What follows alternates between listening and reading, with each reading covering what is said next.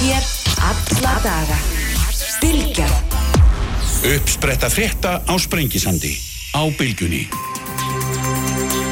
Sæli hlustendur, þá höldum við að staðir hér sem leiði líkur að Sprengisandunum þennan fallega mars morgun 7. mars.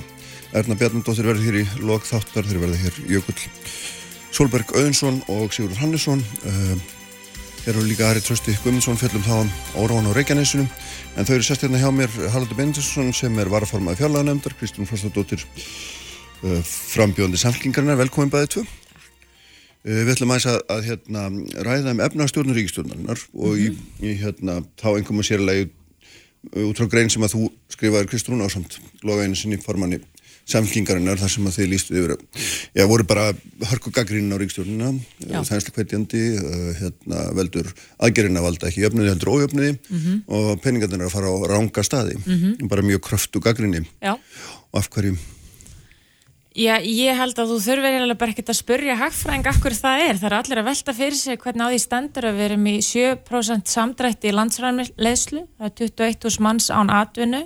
25 steg og tekum með það sem er hlutabótum mm -hmm. samt hækkar fastegnaverð og eignaverð almennt að verbreyðmerkum hækkar og, og hérna fólk á jæruleikum með að koma peningunum sínu fyrir sko útgangspunkturinn hjá okkur er sá að, að sko mér finnst vera ákveðin meðskilningur á eðli þessara krísu uh, og í því fælst að það eru í svona aðstæðum og bara almennt í hagstjórnir eru tvær leiðir til þess að steyðja við hagkerfi annars vegar að ríki gera eitthvað að stíðin og hins vegar sælabankin. Oftast er þetta eitthvað samblanda og í þessu tilviki finnst mér og okkur um, of mikill þungi hafa lent á sælabankunum og þetta er eitthvað sem við veltum ekki fyrir okkur vegna þess að við sjáum þessar stóru upphæðir sem er alltaf verið að tala um 260 miljardir í halla. En það er ofta ekki farið í fína letri og smá letri hana mm -hmm. sem er það að um það byrj 70% af þessum halla er sjálfvirkur Það er að segja að það er mikill samdráttur í tekjum ríkisjóðs. Um, þetta er ekki ákverðun sem, tekið, sem er tekin og ákveða ráðst í, heldur gerist þetta sjálfkrafa. Vissulega er ákverðun að ákveða ekki að skatleiki aðra stopna tilbaka en, en það var auðvitað mjög ábyrðalist í núverandi kringustæðum og það er ekkert ríki í kringum okkur að gera það. Og síðan er hinliðin sem eru útgjöldin og 50% af þeim útgjöldum eru aturlösisbætur sem er eitthvað sem gerist sjálfkrafa og þess vegna finnst mér að við þurfum að taka sko, umræðana um aðgerri ríkistjórnar út frá þessum 30% sem að þau eru virkilega að, að, hérna, að hafa áhrif á vegna þess að... Og þar segir þú að það hafa farið á ránga staði, ekki verið gert með réttum hætti? Þar, þar finnst mér oflítið að hafa verið gert. Oflítið? Já, vegna þess að... Meiri halla vildu við það þá? Skilgreiningin á ábyrgri hagstjórn í mm, dag mm, mm. hjá ríkistjórninu verist vera að vera með ákveði skuldalhutvall. Að passa sig að skuldalhutvalli sé á ákveðinu stað. Þegar samkvæmt minni skilgreiningu og skilgreiningu flestra þekta hagfræðingi í dag þá er ábyrg hagstjórn að venda jafnvæð í kerfinu og það sem að gerist undir svona kringustæðum vegna þess að öll hagstjórnafræði í dag bara síðan 1929 Kristján mm. þegar við sáum bara mikinn samdrátt í kreppinu miklu er að þegar kemur tekjufall í hagkerfinu þá ræðist hagkerfi í skuldsetningu til þess að reyna að halda mm. eftirspurninu e, hérna uppi og annarkvort er það ríki sem skuldsetti sig eða er enga gerðin sem skuldsetti sig og þú kemst ekkert hjá þessari skuldsetningu og ef að ríki stýgur ekki nóg fast á bensinnið þá sapnast þessi skuldur upp í enga gerðinum og það er það sem hefur gæst mm -hmm. við sjáum það bara að Sælabankin stýgur inn Sælabankin er ekki pólitísku Kristján en aðgerri ríkistjórnarinnar, þær eru mjög pólitískar, þær skapa ákveði sveigurum sem að Sælabankin telur sig þurfa að stíga inn í mm. og það er pólitísk aflegging. Já, hvernig svarar þessu haraldur? Er ég á bara aðteglisverð umræða öllu mm. leiti og bara fint að við tökum hana. Ég held að við þurfum líka að horfa svolítið bara aftur í tíman og sjá hvernig við brúðumst við þessar skindilegu kreppu. Uh, hér var skindileg kreppa, það var hörku samdráttur og þá voru spárum alltaf 10,6% samdrátt hérna fyrir bara nokkru mánum síðan. Núna er að koma tölu sem við erum að segja við sem samdráttinum 6,6 uh, sem betur fyrir og mögulega fer það neðar þegar við fyrir að gera meir upp árið sem við liði og þá verðum líka að horfa til þess að það er mótið þess aðgerri sem við fórum út í. Þar að við unnið og mótið samdrættunum þannig að ég segi aðgerri ríkistjóðnarar eru þá að virka þannig að kreppan er ekki eins djúb mm -hmm. við erum að fástu þetta aðtunleysi sem að Kristján segja, það er mjög alvarlegt. Við höfum þurft að grýpa heimilinn og, og uh, taka utan á um þetta fólk með stuðningi. Það er þessi sjálfvirku kerfi sem við höfum og Kristján er nefna. Uh, við erum með stöðu þar sem vextur eru mjög lágir. Og er það mér veist kannski vera kjarnin í grein Kristrún og Loga þessi, er það vandamálu vextir hafi lækkað. Vextir leik, leita þó til kerfið með þeim hætti að íbúða verð hækkar, mm. eh, kannski er líka bara oflítið frambóðu íbúðum, það var hérna ástand á íbúðamarkaði í 2019 þar sem að banka dróði sig hans úta því að maður held að vera að koma oframbóð eh, en stóra myndinni þessi er líka, Kristján, að með lækandi vöxtum þá hefur líka gefið heimilónum svígrún til þess að endur fjármagna sig sem að aftur hefur orðið hluta þessari viðspilnu sem höfum þá haft í hafkjörunu fólk hefur geta leitað í læri lán og aukið þannig rástöðunatekju sínar. Og hallin sem að við erum að, að hérna, setja ríkisviðin í þessar það er bara 300 miljardar núna á ári eða 260 eða 300 mm. sem eru þá fyrst og fremst aðgerðin til að taka utanum fyrirtækin, við erum með 24-25 sérstakar aðgerðir í okkar aðgerðarpakka sem að hafa miða því að taka um heimil og fyrirtæki. Við viljum allavega þau séu þá tilbúin í viðspilnuna þegar, þegar hún kemur og uh, þetta vakstast í núna, það, það held ég að sé nú miklu frekar bara fagnarefni, síðan er gaggrínu þessi hvert þessi peningra að farið. Þá veldi ég nú bara fyrir mig sko, eigum við einhvað að fara að ráða því hvert bankarnir er að lána, erum, erum að tala hérna um miðstýrða lánasýslu og nýjanleik. Fyrirtæki eðlilega í þessu ástandur kannski sækja skrýðilega mikið eftir lánsvíðuböngum e, heimilega hafa svost eftir lánsvíðuböngum til að endur fjármagna sig eins og ég segi. Þannig að þetta er nú bara vandin sem að við snúum við en e, kannski má segja að, að megin kanal peningastefnun hafi verið gegnum egna myndunina með þessum hætti. En þetta er nú fyrst og fyrst bara stóra myndina að hérna vextirnir hafa lækka, það hefur stutt við heimili og fyrirtæki og stiður líka við ríkisjóð er vandamál hvert lánin voru að fara þá áttæðum ekki á hvernig við erum að stýra því. Nei, akkurat, við skulum bara beina því beint til þín Kristrún, hérna, er það, er það þín og eitthvað pólitíka, hérna, það þurft að stýra því eitthvað betur? Nei, sko, ekki út frá þeim kanal sem þetta endaði í.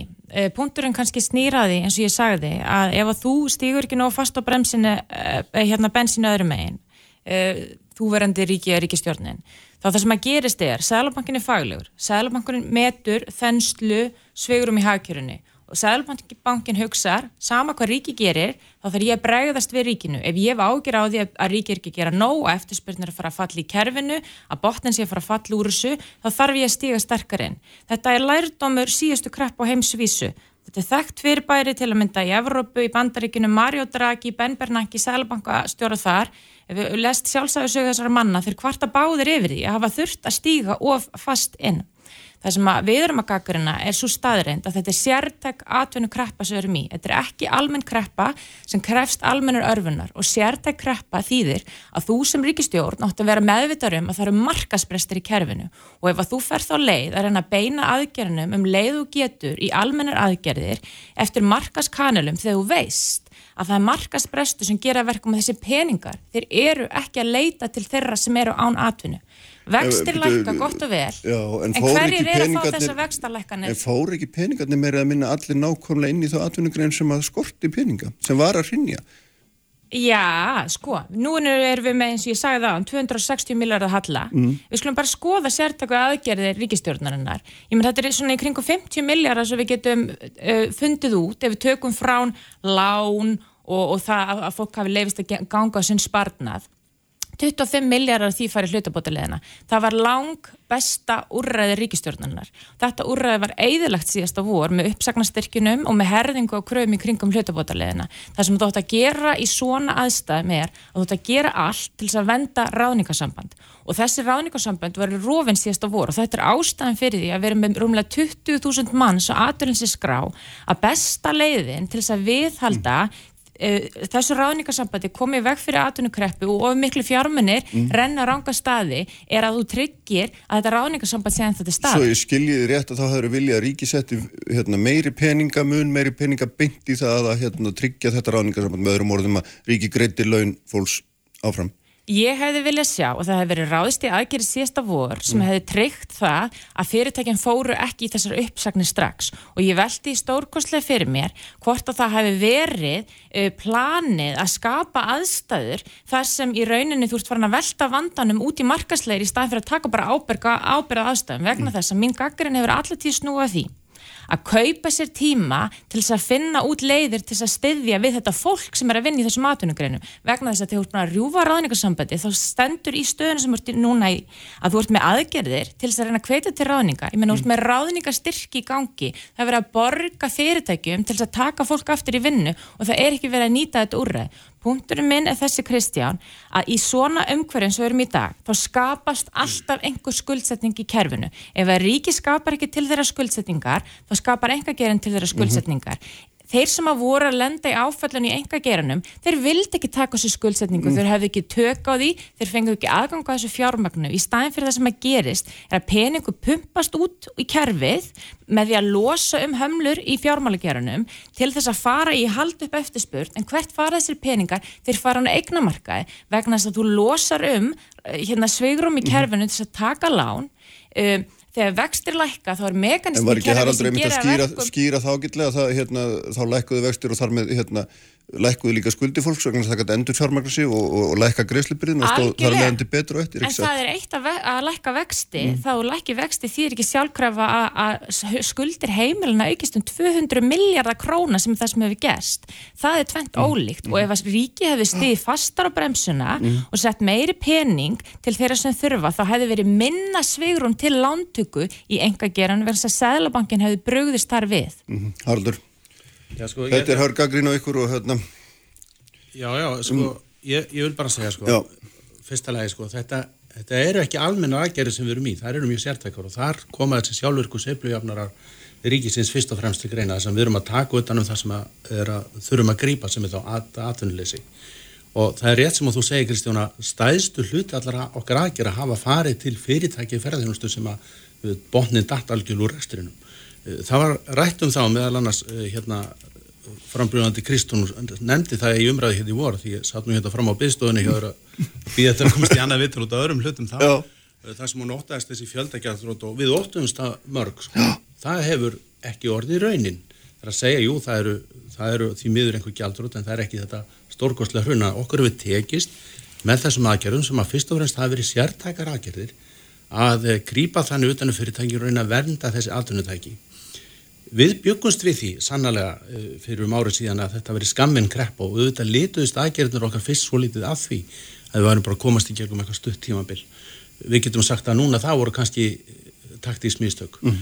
Við, ég get líka sagt að við vorum kannski ekki nógu uh, aggressív eða duglega að láta kerfin vinna meira saman, stilla aðtunleus bóta kerfinu upp með hlutastarfalegin og svo framvegs og og flæða meira hann á milli En megin málið er bara þetta, við erum núna stiga inn í þá annað stig aðgerða sem eru þá viðsputnum styrkir og þannig geta gripið þá uppsveifluna þegar hún er að koma. Og mörguleiti, má segja og verður ekki hérna á þann, fyrst mér okkur hafa tekist ágætlega til, þannig að ég get ekki tekið undir það að segja vandamáli vextur hérna séu lári, ég held að það sé fyrst og hannast fagnarefni, það, það veiti heimilum og fyrirtækjum ákveði síðurum sem ég held að veri gríðarlega mikilvægt. En er, ertu sáttur við þessar aðgerði heilsin vegna þess að líka út frá þeim sjónarhóli að auðvitað er þegar að verður svona bóla á eignamarkaði þá eikst ójöfnur þeirra sem að eiga eignir og, og, og hérna, verðmæti þeirra eikst versus þeirra sem að hérna, ekkert eiga. Já, það ég... er alveg ljóst að það er eina af útkomunum úr þessari kreppum. Já, ég, ég er ekki að segja við getum endilega borðið einn ábyrð á því, minna, hvað, hvert er frambá byggingalandi og, og hvernig hefur mm -hmm. skipulast mál gengið fram og svo framvegis og framvegis. Ég, ég ætla ekki að hengja sög á einhver aðil en nei, þetta eru margir hérna... En það sem ég er að spyrja um þessar aðgerir það hvort að þær hefðu þá geta verið markvísari til þeirra sem að meira þurft á því að halda heldur en að fjármagnir leitaði út í verbreyf, hlutabreyf og inn á fastegnumarkaðin. Ég, ég bara er að segja, ég held að við höfum bara hitt á mjög góða leið. Hún er náttúrulega ekki galla laus á öllu leiti, ég ætla aldrei að segja það. En bara megi munur þessu viðbröðum við þessari kreppu núna kreppunni sem við gengum í einhvern síðast er bara með allt öðrum hætti, við erum að halda þannig ámálum að við erum ekki að fara hér í samdrátt í ríkisvexturinum, við erum ekki að við erum ekki að skera nýður, við erum frekar reyna að fleita okkur áfram. Það byrtist okkur því að við erum í gífurlegum hallarestri, við viljum ná sem fyrst utanum hann uh, ég sko bara tek eftir því að það voru hérna hugmyndur um kannski ég ættu fyrst og fremst að nota núna þetta ástand til að uh, stóreika peningaflæðin til sveitafélaga til sem að þar gæti verið litið til hérna ofinbæri fjárfestingar. Ákveðin hátt þá getum við sagt að þá innspýting sem við leggjum inn í ofnbæra fjárfestingu hefur kannski tafist að einhverju leiti, það er fyrst og fremst í fjárraganum í april sem að við leggjum fjármunni til ofnbæra fjárfestinga sem að hefa kannski ekki bara ímessa vegna til dæmis skipurasmála uh, verk ekki tilbúin til framkvæmda en nú horfum við til þess að það verður gríðarlega aukning ofnbærum fjárfestingum á þessu ári. Já, ég segi það Kristján, ég held að þessar aðgerri sem við höfum gripið til hafi virkað vonum framar og það kemur meðalans fram í því sem ég sagði hérna áðan þar sem við horfum fram hann í 10,6% samdrátt mm -hmm. erum við að sjá minni samdrátt en en, eh, en við trúum á kraftulega viðspilni. En, en, en þú, þú skauta ná alveg létti yfir þetta með ofinbyrju fjárstinguna því hún hefur sko farið minkandi með fyrir ári sex ásfjörunga samfelt hvorki meirinni minna og þetta er þrátt fyrir allar hérna, áallanir og, og fögur orð og alls konar upprekninga á því að séu mörg hundru miljardar fara að hinga og þanga í alls konar innviðverkefni að þá sjást þess eiginlega engin merkið. Já, við berum ekki því miður, ríkið ber ekki einn eitt og sér ábyrðu ofnbjörn fjársendingu. Það er, mm -hmm. koma líka hérna, sveitafélag fyrir. Eh, sagt, við hefur um þeirri vonbröðu með, með viðbröð sveitafélagana við, við því að ráðast í fjárfestingar. En eins og segi, kreppan skellur hérna á í april. Núna er mars. En að einhverju leiti er, er þessi töfskiljanleg en þið sjáuð bara uh, í spáni núna Þetta eru líka eldri áform Haraldur, þetta eru eldri áform líka. Þegar við erum að tala um lengra tímabilbildur en bara eitt ár, við erum að tala um eða samfelltan samdrátt í næstum tvö. Við heldum á okkur höndum í ofmjörum fjárfestingum þegar var hérna gott gengi efnarsmálum mm. það var ábyrg stefna. Og við vorum ekki að auka þar á þenslu með því að riðjast fram á völlin með ofnbjöru fjárfestingar Vombriðin eru þessi, hvað sveitafélagin hafa haldið að sér höndum í þessari skeiði sem að núna. Mm -hmm. Ég verð nú eiginlega að fá að bregðast við þessari gaggrina því mér finnst þetta einstaklega eh, sérstakt sko, sér, eh, það er þetta tengið að bæði við umræðina um ójöfnuðin og núna við sveitafélagin. Hver ber ábyrð? Nei, ég spyr bara hver ber ábyrð? Í mínum huga er ábyrg hagstjórn sem að ríkið sem að hefur með höfuð og herðar yfir allt og sveitafélagin eru framlenging af ríkisjöðu, þetta eru samvinnu aðilar ber ábyrð á jafnvæg í hagkerfinu. Þessi þróun sem orðið á eignamarkaðan núna Kristján, hún var 100% fyrirsjónleg og þessi orðið sem að snýr alltaf að því að vextir séu fyrir fólki í landinu. Ég er ekkert á móti því að lækka vexti. Það að lækka vexti er ekki að sama og skapa sveigurum fyrir 200 miljardar einsbyttingu og skuldsetningun í engageran. Það er fyrsta lagi ekki það sama. Við verðum að halda því til haga. Í öðru lagi, það láða fyrir eins og ég sagði að ef það er brugðist of sent við á ofinberi hliðinni, þá myndir Sælabankin taka hlutverk sitt alvarlega. Það er fullkomlega eðli hagstjátt þeirra á milli og reyna að pumpa upp kerfið annar staðar. Þetta láð fyrir og þessin er við þeirri stöðu að þráttur að 50% aðdunleysra allra eiga ekki húsnaði, fá ekki vakstarlækkanir í, í öðru lagi ertu með ungt fólk sem er með lítinn lífeyri sparnað á litlar eignir, allt þetta fólk er að missa af þessum eignavershækkunum í dag og þeir sem að eiga það eru þeir sem geta fengið lán í banka og það eru þeir sem geta fengið ástæðansett fjármagn hvar liggur ábreyðin að sjá, sjá svona hluti fyrir, hún liggur auðvitað hjá ríkistjórninni, það er ekki bara hægt að segja ójöfnöður er eitthvað sem sprettur upp í einhverju kerfi sem við byrjum enga ábyrða, þetta er svona klassísk aðferðafræði við að segja bara, já markaðurum gerir eitthvað og við stýrum ekki markaðnum.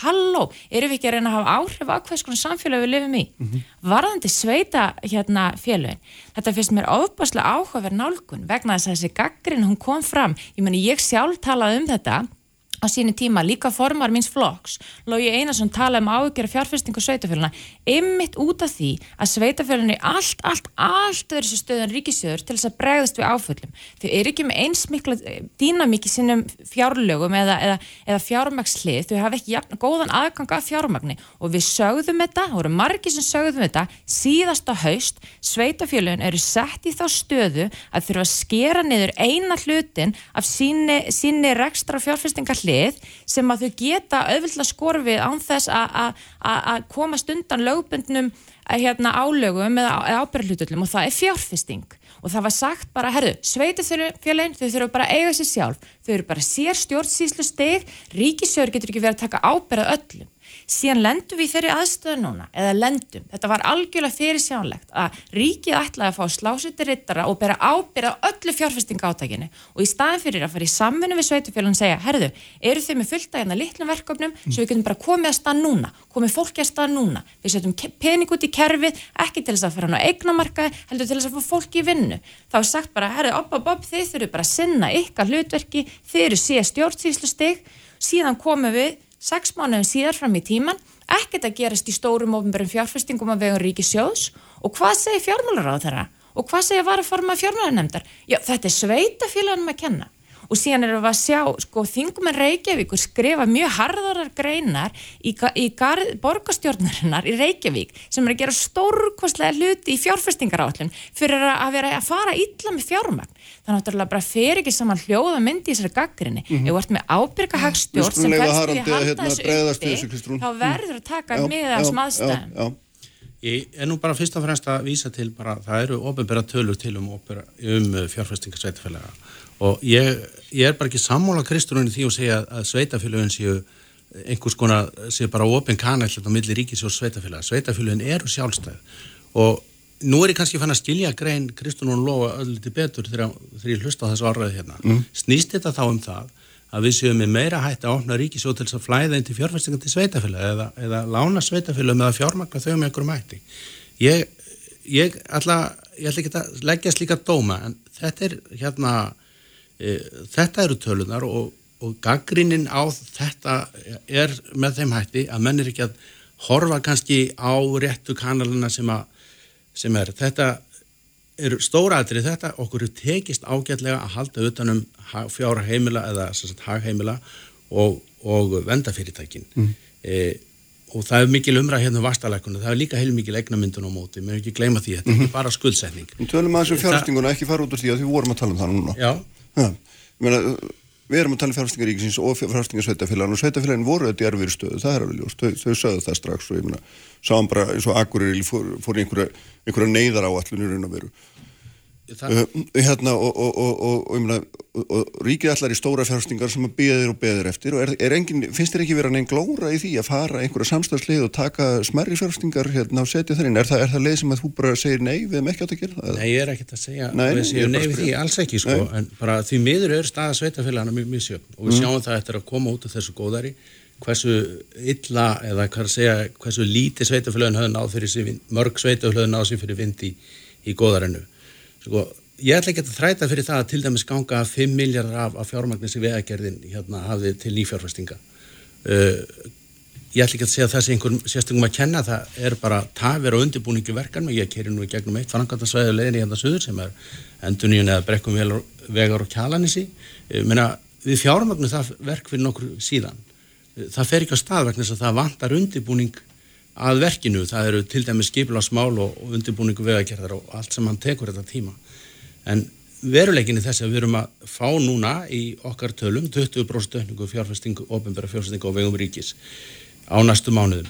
E, fjárfestinga ríkis aðilar samþýgt fjárfestingaplön þeirra hafa ekki heldur gengið öllu leiti eftir.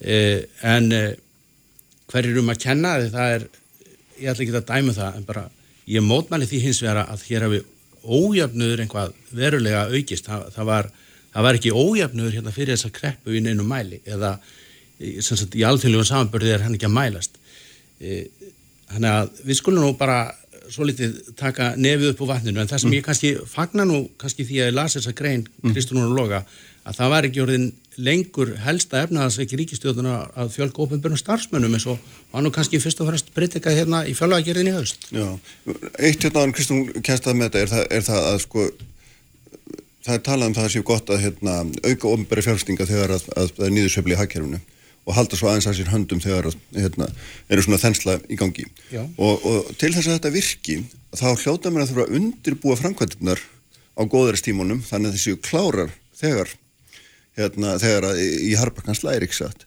En við erum með þetta þannig og hérna, það er aftur, ég er ekki að kenna neinu sérstökum um og alls ekki þér bynd, en þó samt sem aður, ég legg þetta fyrir því að, að hérna, við viljumst aldrei vakna fyrir sko við vondan draum og segja allt í nú, nú skulum við fara undirbúku, nú skulum við fara í einhverju ólega áallanir en þegar að verkin eiga að vera tilbúin til þess að skapa atverðina og hérna og rétta af sveifluna þá er ekkert tilbúið. Og það er það sem að gaggrínin held í fljóta gang út á haldur Ég meina, við, við sjáum þetta báður sem ögum, sko. Við, eins og ég var að reykja á hann, við heldum frekar að okkur höndum í vegagerð og við fjárfestingu hérna þegar að var góðu gangur í efnarslífinu til þess að auki ekki á kreppu. Eða til þess að auki ekki á þennst alltaf já, E, jú, við þetta hefum átt að eiga meira tilbúinu verkefnum, en það kostar líka undirbúa verkefni, ef við Já, já, já. Við hefum ekki veitt um fjárheimildi til þess. E, að því marki að þeirra væri bara tilbúnar upp í hillu, við þurfum líka að huga því hvernig er til dæmis bara verktakagerin undirbúin, hvað verð eru hérna út á markanum. E, við erum að sjá núna tilbúð í mjög margar ópenverðfrangandir sem eru bara svona alveg um og yfir, yfir hérna e, kostnæðaráallanir en við getum ekki tekið hvaða tilbúðu sem er.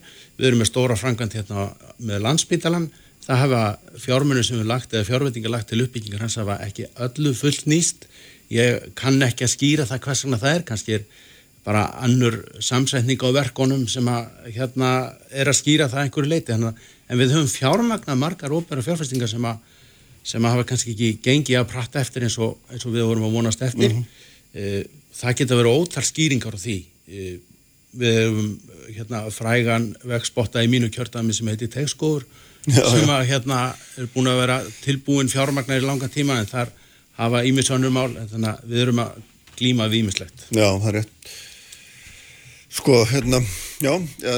Sko ég verð bara, ég ætla bara að fá að segja núna sem við bara við þess að ójöfnur hafa ekki aukist, sko tölnar er náttúrulega ekki dotnar inn, um, ég held að bara, við getum bara öll spurt hvort annað hérna inn í þessu herbergi.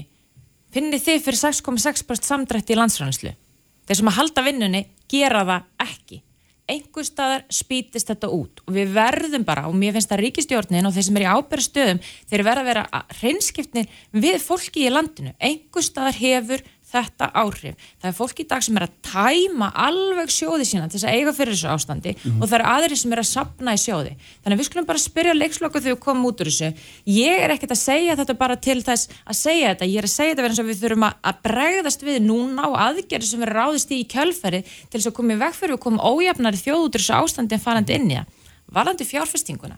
Þetta er bara partur af því sem ég var að segja hérna áðan að mér hefur þótt og okkur samfélkingunni skorta pólitiska sín þegar við vorum í þessu ástandi varandi hvernig ríki ætti að spila hlutverk í þessu ástandi. Það var hræðsla við að grípa á ákveðin hlutum. Ég meina við tölum um fjárfestinguna. Hér erum við með stæstu atvinnugrein landsins, ferðarþjónustuna, sem var að skila öllur þessum gældristekjum sem í áraræðir enginn hafði tíma til að sinna. Það er að segja ríki gati ekki skapa réttan ramma. Fólki var á fullu, fyrirtekjan var á fullu, stórkosleg fram, hérna, framlög hjá þessum einstaklingum þar það skorti ramman, það var aldrei tími til að fara í fjárfestinguna þannig að það var svo mikið að fólki að koma og við höfðum bara ekki tíma til þess að hugsa. Síðan bara slökkum við atvinnugrenni og það gerist ekkert. Af hverju ekki farið til dæmis í ykkur samvinnuverkefni? Af hverju þetta fólk í greinin ekki nýtt mannöðurinn og þess að sko það var ekki tími til þess að fara í ykkur svona kreatív hugsun um hvernig þú getur til dæmis nýtt þessa spennulósun sem átti sér stað í kerfinu vegna þess að við keiftum okkur ekki enn tíma nóg að snemma síðast á vor. Við keiftum okkur ekki enn tíma til að hugsa.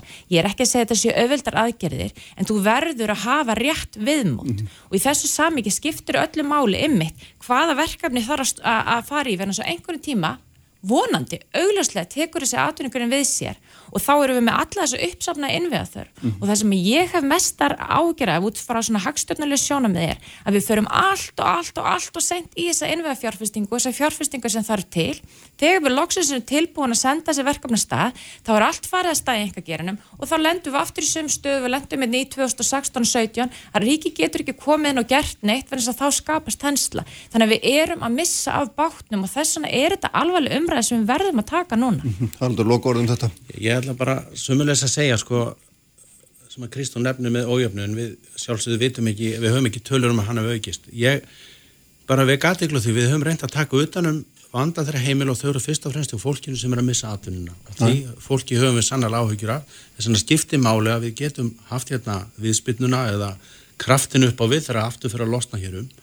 Og það er allt og margir atvinnuleysi, við erum alveg sammálum það. Og, og fjárhægu þeirra heimila er erfiður, við vitum það alveg en við höfum verið lengja í atvinnuleysbótum tekjutengtum atvinnuleysbótum og reyna að mæta þeim með þeim hætti. En það, það ekkert sem að skiptir meira málir bara að koma atvinnulífinu aftur í gang. Nei. síðan getum við haft alls konar skoðan á því hvort að undirbúningur og ofinbæra framkvæmda hafi verið réttur eða rangur. En það er aðgerið sem við gripið til það sjáum við bara tölunum hafi aðalatrum bara verið að virka á móti kreppunni. Samflókskonaðinn var hérna fyrir viku og þá vorum við að ræða ástandu á suðunisum það er 25% aðdunuleysi mm -hmm. Það er fólk að fara að detta út af brúninni, það misti vinnuna þegar það var áfóra hausin og hérna og er sérst komið endumörkum aðdunleysbóta og þá er hún að spura því má ekki framleika bætunar? Nei, þá er hennar svar. Ert þú samála því? Ég sko við höfum átt í fjálanemdini fundi með fólk á Suðnjössum og, og ágætlega verið haldið þeirra málstað þingmannum kjörðanbissins á öllum flokkum.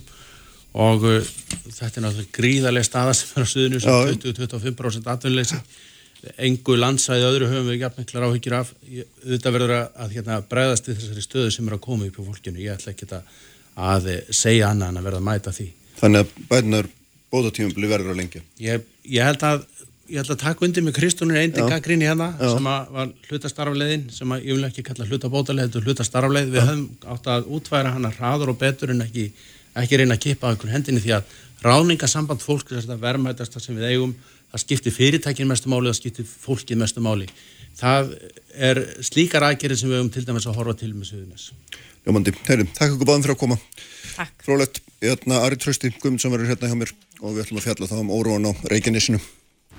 Uppspretta frétta á Sprengisandi á Bilginni. Alla sunnudaga, Sprengisandur á Bilginni. Sælir afturlustendur, þau eru farin frá mér Kristrún Frostadóttir og Haraldur Benditsson eftir umræðarum efnarsmálinu, sestur í hamir Ari Trausti Guðmundsson. Sælir blessaður og velkomin. Takk fyrir það. Já, þú ert náttúrulega hérna, þú ert svo margt auðvitað, kennari og sjónvarsmaður og, og þingmaður og en hér ertu nú sem ég er fræðingu kannski feist og fremst og hérna mér langaði svo að fá aðeins álitið á, á þessari þróun sem er, er hérna við erum að horfa upp á eða fylgjast með á Reykjanesinu uh, hérna Ég viltu, viltu fá spá?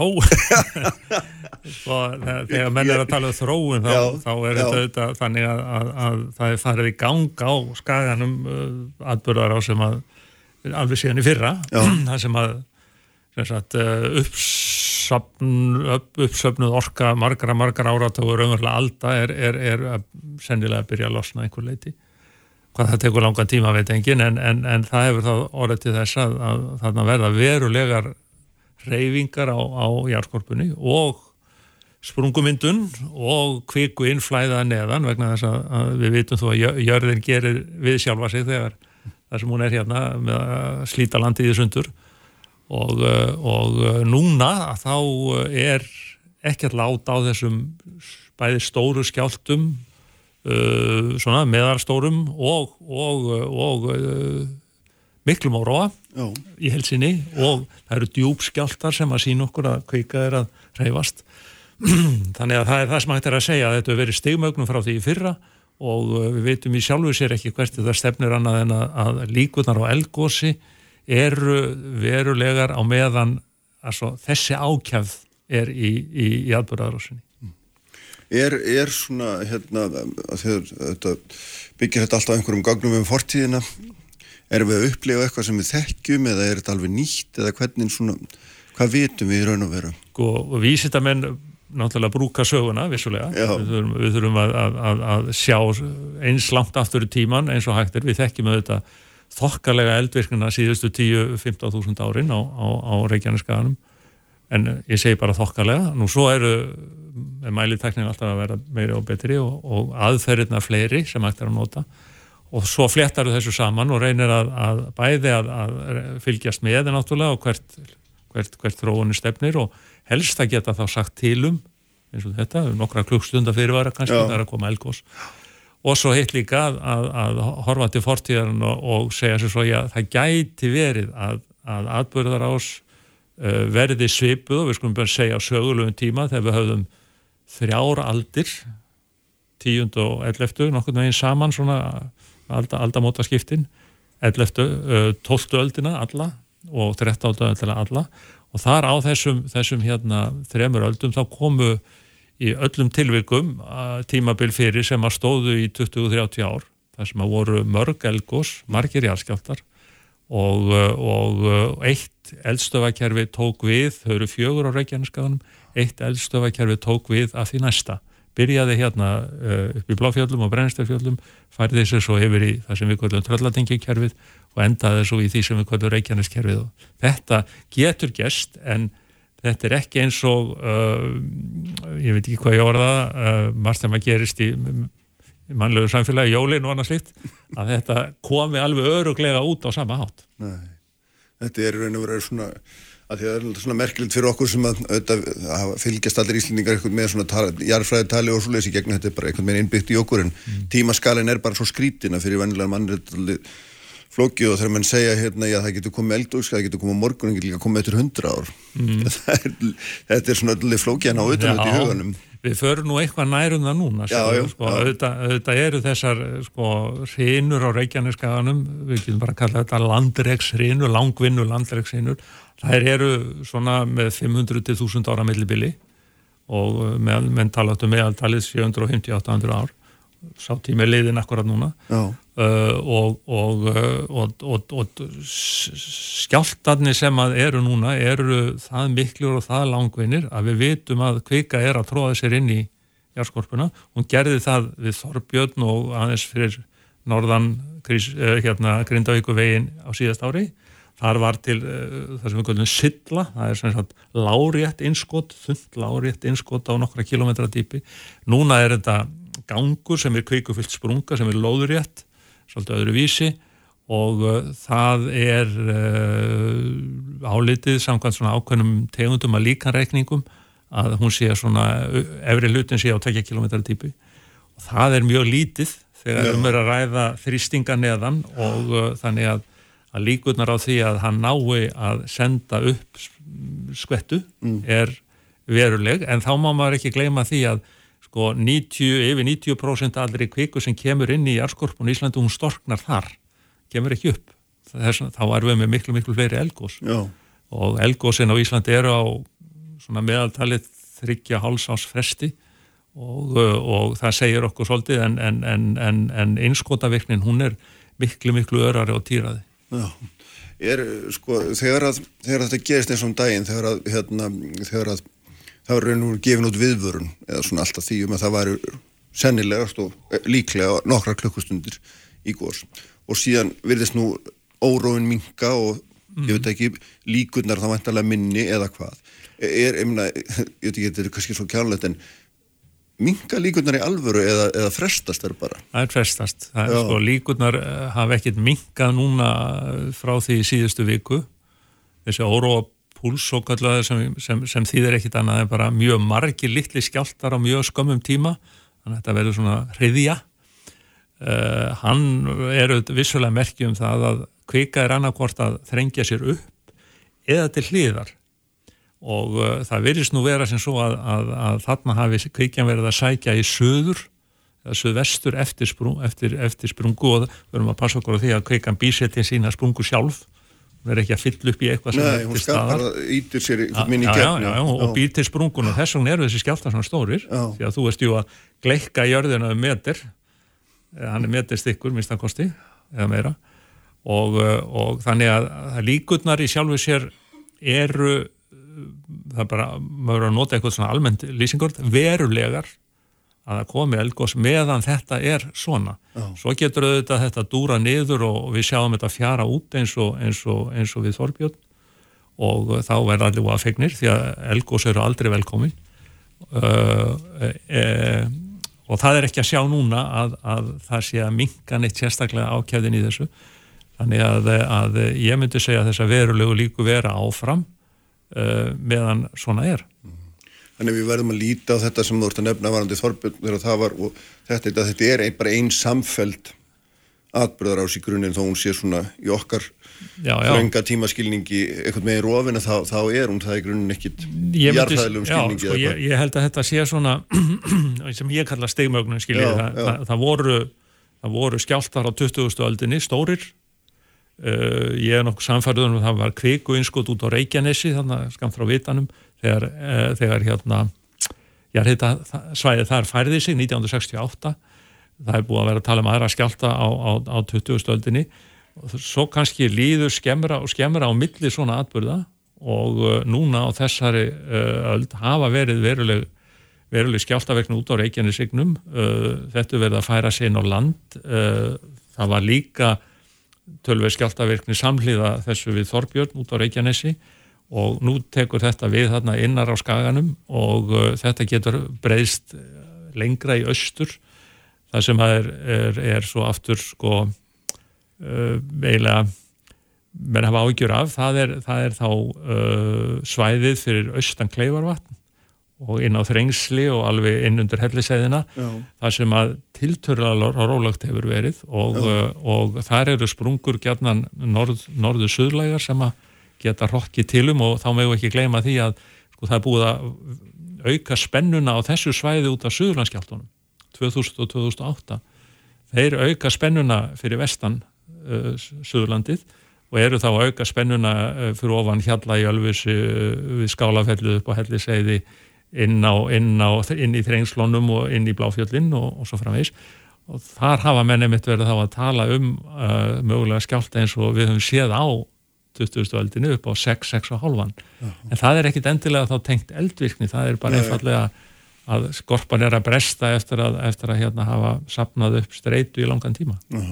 Er, sko, er ég veit ekki hvernig maður orða þetta svo, sko, ge, getur þetta þetta óróa tímabil að bara endað með einhverjum svona hressilegum skjálta eða er óhjákvæmilegt að kvikan skjótist upp Nei, það er, það er uh, ekkert óhjákvæmilegt í sjálfu sér og við, við, við getum aldrei fullist sko, neitt um það uh, hvernig uh, svona hrinur, hvernig það er enda hvernig það taka sig upp eftir einhver tíma það getur ju verið að við séum að dett inn í svona tímabil eins og við þekkjum einmitt frá sögulum tíma þar sem að óróa skeiðin stóðu í 20-30 ár. Mm.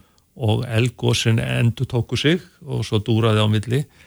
Tölverst skjálta virkni við náttúrulega höfum ekki, höfum ekki mikið af frásögnum af þeim frekar af elgósunum og það er búið að, búið að aldur setja þessi elgós og allt það þannig þetta er raunverulega það var raunverulega sannleiku sem enn voru að skrifa í annar alveg alveg það en, en sko maður forðast allar fullirðingar einfallega vegna þess að, að eh, þegar þessi stóru öflur annarsvegar eh, landreikið eða blötu, blötu skrið eins og við kallum fleka, flekaskrið annarsvegar og tilfæsla á þessum, þessum mikla magni að kviku sem er undir landinu þá er, þá er ekki gott að, að, að vera kokkröstur og fullir það mikið En sko það er eitt af því sem maður, þegar maður byrjar að hérna, lesa eitthvað sér til um þetta, þá er það líka algengt að maður sjá að það hefur gósið neðansjávar.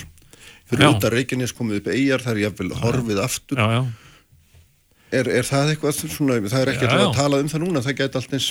Það eru núna skjáltar yfir fjóra, það hafa verið núna já. undanfarið út á Reykjanesig og alla tíði, ég meina eins og náttúrulega ég mann eftir sko og eins og þú nefnir þar hafa, hefur gósið, það hafa verið niðansjávar gósið sem að hefur lítið bólað á það er talið að hafi sérst vikur á floti út yfir Reykjaneska á 1926 eh, þú nefndir eiga sem kom á hörfu við höfum aðra eigu fyrir augunum, eldei sem hún ekki alveg vita hvenar, hvenar uh, myndaðist en hefur hugsanlega myndast á 13. öld í, í þá verulega stóru gósi en þá vitum við hins vegar að, að, að, að það eldviknistímabil á 12. öld sem byrjar svona 1205, 1210 það stendur svo áfram alveg til 1240 þá er eldvirknin að færa sér nær landi Já. og það er meirins að eitt eldgósi sem er þannig að hluti að því er út í sjó 1226 og þá uh, missir Snorri Sturluson 200 nautgripi út af, út af, út af gjóskufalli, út af gatti í, í hérna, nautgripum. Já.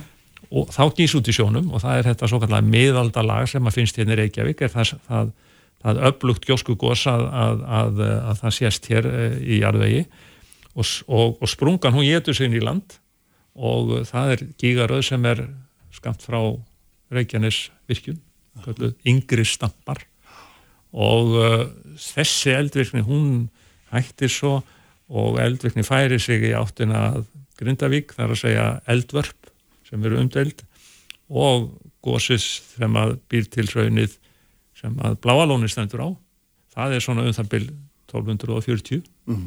og þá gís lík út í sjó á Reykjanesi Rignum sjálfum þannig að þetta er allt mögulegt sko, en, en, en, en ekki heldur hægt að fullir að neitt gott þannig verði eða ekki Nei, nei. er að því að maður séð það líka svona, menn, menn horfa á kröplueldana sem voru svona, mm. er í manna minnum mm. fersku minni mm. flestra sem er langvinn svona Nýju ár Já, stóði yfir í nýja ár og, og nýju gós Já, einmitt og einhvern veginn svona byrjaði að hætti og byrjaði að hætti alveg stöðu sko. Er, er, er þetta eitthvað, er, er þetta svona, getur maður hort hann á þess að þetta verður kannski eitthvað áþvegt eða Bæði já og nei, sjáðu já. að sko þessi eldsöfakerfi eins og kröplukerfið og barðabungukerfið og, og grímsvatnakerfið og svo framvegis þetta eru uh, kerfi með þróuðu megin eldstöðum og þróuðu megin eldstöð þýðir eiginlega stórt eldfjall með kvikuhólfi undir svo er dýbri kviku þró þar fyrir neðan. Uh, á Reykjaneskaganum eru miskosti uh, öll vestustu eldkerfin eldstöfakerfin, þau eru án megin eldstöfar, þau, þau eru þá ung án kvikuhóls það er bara austasta kerfi það er þess að hengilinn sem er líka lengst og stærst það sem að hefur náða þróast kvikuhólf og, og, og megin eldstöð sem er þetta ólögulega fjall hengil og nágranna fjöllin eh, en úti á, á Reykjaneskaðinu þá hefur jú virkni verið þannig að, að, að það hefur stundum gósið uh, þéttar á tilteknu svæði en annar staðar. Og þar eru fjöll sem að risu upp undir jökli. Trölladingja, grænadingja, keilir. Þetta er allt saman eldstöfa sem að mynduðust á síðasta jökulskeiði meirið að minna, hluti af þeim allavega. Og, og þannig að það er ekki alveg hægt að líka því saman að vera með meginerstöð, með kvikuhólfi sem er að senda frá sér uh, ganga eins og gerðist í kröplu 20, 20 sinnum, 21 sinni mm -hmm. nýju elgóst þar af uh, þarna, þetta er uh, eðlislega dáltið ólíkt en það sem er alveg klart mál er það að, að þessi gangamyndun hún er ekkit ólík að þessu leitinu til að þarna eru gangarnir að fættir af kviku sem kemur að neðan og dreifir sér svo fram og upp Uh, í kröflu var þetta meira eins og ganga sem að, sem að hérna, uh, gengu út úr kvikuhólfinu aðalega í norður og alltaf lengdist sko, uh, gangurinn eða gangarnir og það gauðs alltaf norðar og norðar -huh. Mhm. það var líka farið að koma kviku upp úr dýbri geimi sem er undir sem er göðum kviku þró, allar að nýst þannig að þetta er svona eðlislega dalt öðruvísi en samt er eitt og annað sem er mjög svipað En hvað er svona hérna Já, ég veit það ekki eftir maður horfur að hlustra að því þetta allar minn þá svona veist, við, erum, við erum vel mögulega að tala um óróa sem getur miða við söguna, mm. staðið mm. einhverja áratugji Já, hálfinn áratugji með, með snerpum, skjáltum eða myndum við ekki kalla já, já. tiltölulega litlum elgóðsum þó ef að marka má sögun en maður var heldur ekki treysta því. Nei, nei. Get, getur orðið lengri sprungur en 1-2 km sem er svona oft algengt 1-2-3 km getur orðið lengri. En enga síður þá, þá er þetta nákvæmlega svona og þá er þetta alltaf möguleiki á, á tjóni. Einhverju leiti af allar stærstu skjáltunum en aðalega þó þannig að, að, að hraun ná að renna við skulum segja yfir vegi eh, það er, eh, það er ein, ein, ein flutnískerfi söðunesja lína. Uh, nú svo er maður ma verður að vera hreinskilin og segja svo eru náttúrulega bæir sérstaklega Grindavík Já, uh, sem liggur þannig að hann stendur í áhraunni og uh, hluti hafnafjara stendur á hraunni og svo framvegs og það hafa sprungur á þessum tíma náð alveg upp undir heiðmörk það er segja upp að Helgafelli við Hafnafjörð, þar var, voru nýstu sprunguna 1200 og, nei fyrir ekki að 1180 mm -hmm. rúmlega 1180 þar voru, þar voru eh, nýstu sprungunar, það voru bara við Helgafelli við Hafnafjörð en, og, og, og uh, við þessu verðum við að bregðast á sem, sem samfélag, það er ekkit öðruvís en það. En, en allt, allt, allur reykjanískegin er meirið að minna eldbrunnin og og þar býr á þessu svæði tveir þriðju, ef við teljum Reykjavík með, tveir þriðju þjóðarinnar, en einhverja hugmyndur um að það gjósi sko í Reykjavík, þær eru ekki raunhæfar. Það, eru, það ná sprungur, uh, virkar járskaptarsprungur ná enn í, í útkvöru Reykjavíkur, en uh, góðsprungurnar hafa tilhengu til þess að vera nær miðju kjærvisins og ég, það hefur ekki allavega gæst hér í, í, í ákala langan tíma að, uh, að það hefði gósi hér í nágrenni Reykjavíkur. Síðasta gós þar var fyrir mörg þúsund árum. No. þá rann hér raun niður í Elladalinn og niður að Þólagsögn það er það sem við vitum. En hvað með svona fyrirbreyða því þú nefnir vegin en hvað með, hvað með svona flug og svona er, Nei, það er, eh, sko, flugið er náttúrulega, miðnesheiðin er alveg varinn fyrir söndrennsli vegna hæðar og, eh, og eh, það er líka þannig að, að landslæðið í kring myndi stýra hrauninu öðruvísi. Það er meira að segja, sko, sigdalur fyrir austan voga, voga sigdalurinn sem að, sem að hérna myndi taka við gríðarlega miklu hrauni áður en að nokkur tíma gæti runni raun sko niður í byðin í vógum mm. en það gæti runni raun til yfir, yfir, yfir uh, að varsleisuströnd það gæti runni raun niður í strömsvík til dæmis en þá er ég að endur taka og, og, og, og leggja mikla áherslu á að þessi, þessi lík, líkun eða kort sem hafa verið að byrtast er ekkert annað heldur en bara leikur að því að leggja uh, raun yfir landslægið og sjá hvernig það gæti runnið og hvert það gæti runnið. Þetta verður ekkert spákildi. Nei. Þannig að menn með að alls ekki taka kortin sem að koma úr Járvinstastofnun Háskóla Íslands sem einhverja spár og heldur ekki frá veðurstofun sem einhverja spár. Það er bara verið að sína hvað gæti gerst. Það er alltaf mikil munur mm. mhm. möguleikunum eða spánni. Já, en við getum aðeins þótt sér slegið í fastu að því það er greinlega mjög erfitt að slá nokkru fastu en að það meðan þessi órói er þá er viðvarandi góðsætt og það er einhvern veginn það sem ég hérna. Þetta er svolítið svipað með loðnuna sko, það er verið að mæla loðnuna og það er verið að spá hvernig hún fæjar og svo kemur hún og svo kemur hún ekki og þetta er ekkit ólíkt vegna þess að, að, að náttúran hún er hún er ekki, hún er ekki gangverk hún er og hefur ekki sjálfstæðan vilja. Þannig að, að það eru svo margi þætti sem maður geta spilað á hvað gerist hverju sinni að menn verða að bæða að treysta því sem að vísitin geta sagt og þau get ekki sagt mjög mikið Ljómundi, Arður Trausti, þakka þér innlega fyrir sérna þannig fróðlega fyrirlistur um þetta svæð allt saman. Velkomin, velkomin. Uh, Ég ætla að tala hér á eftir við Sigur Hannesson og Jökul Solberg Auðunsson. Sprengisandur á bylgjunni alla sunnundasmórna Sprengisandur á bylgjunni alla sunnundasmórna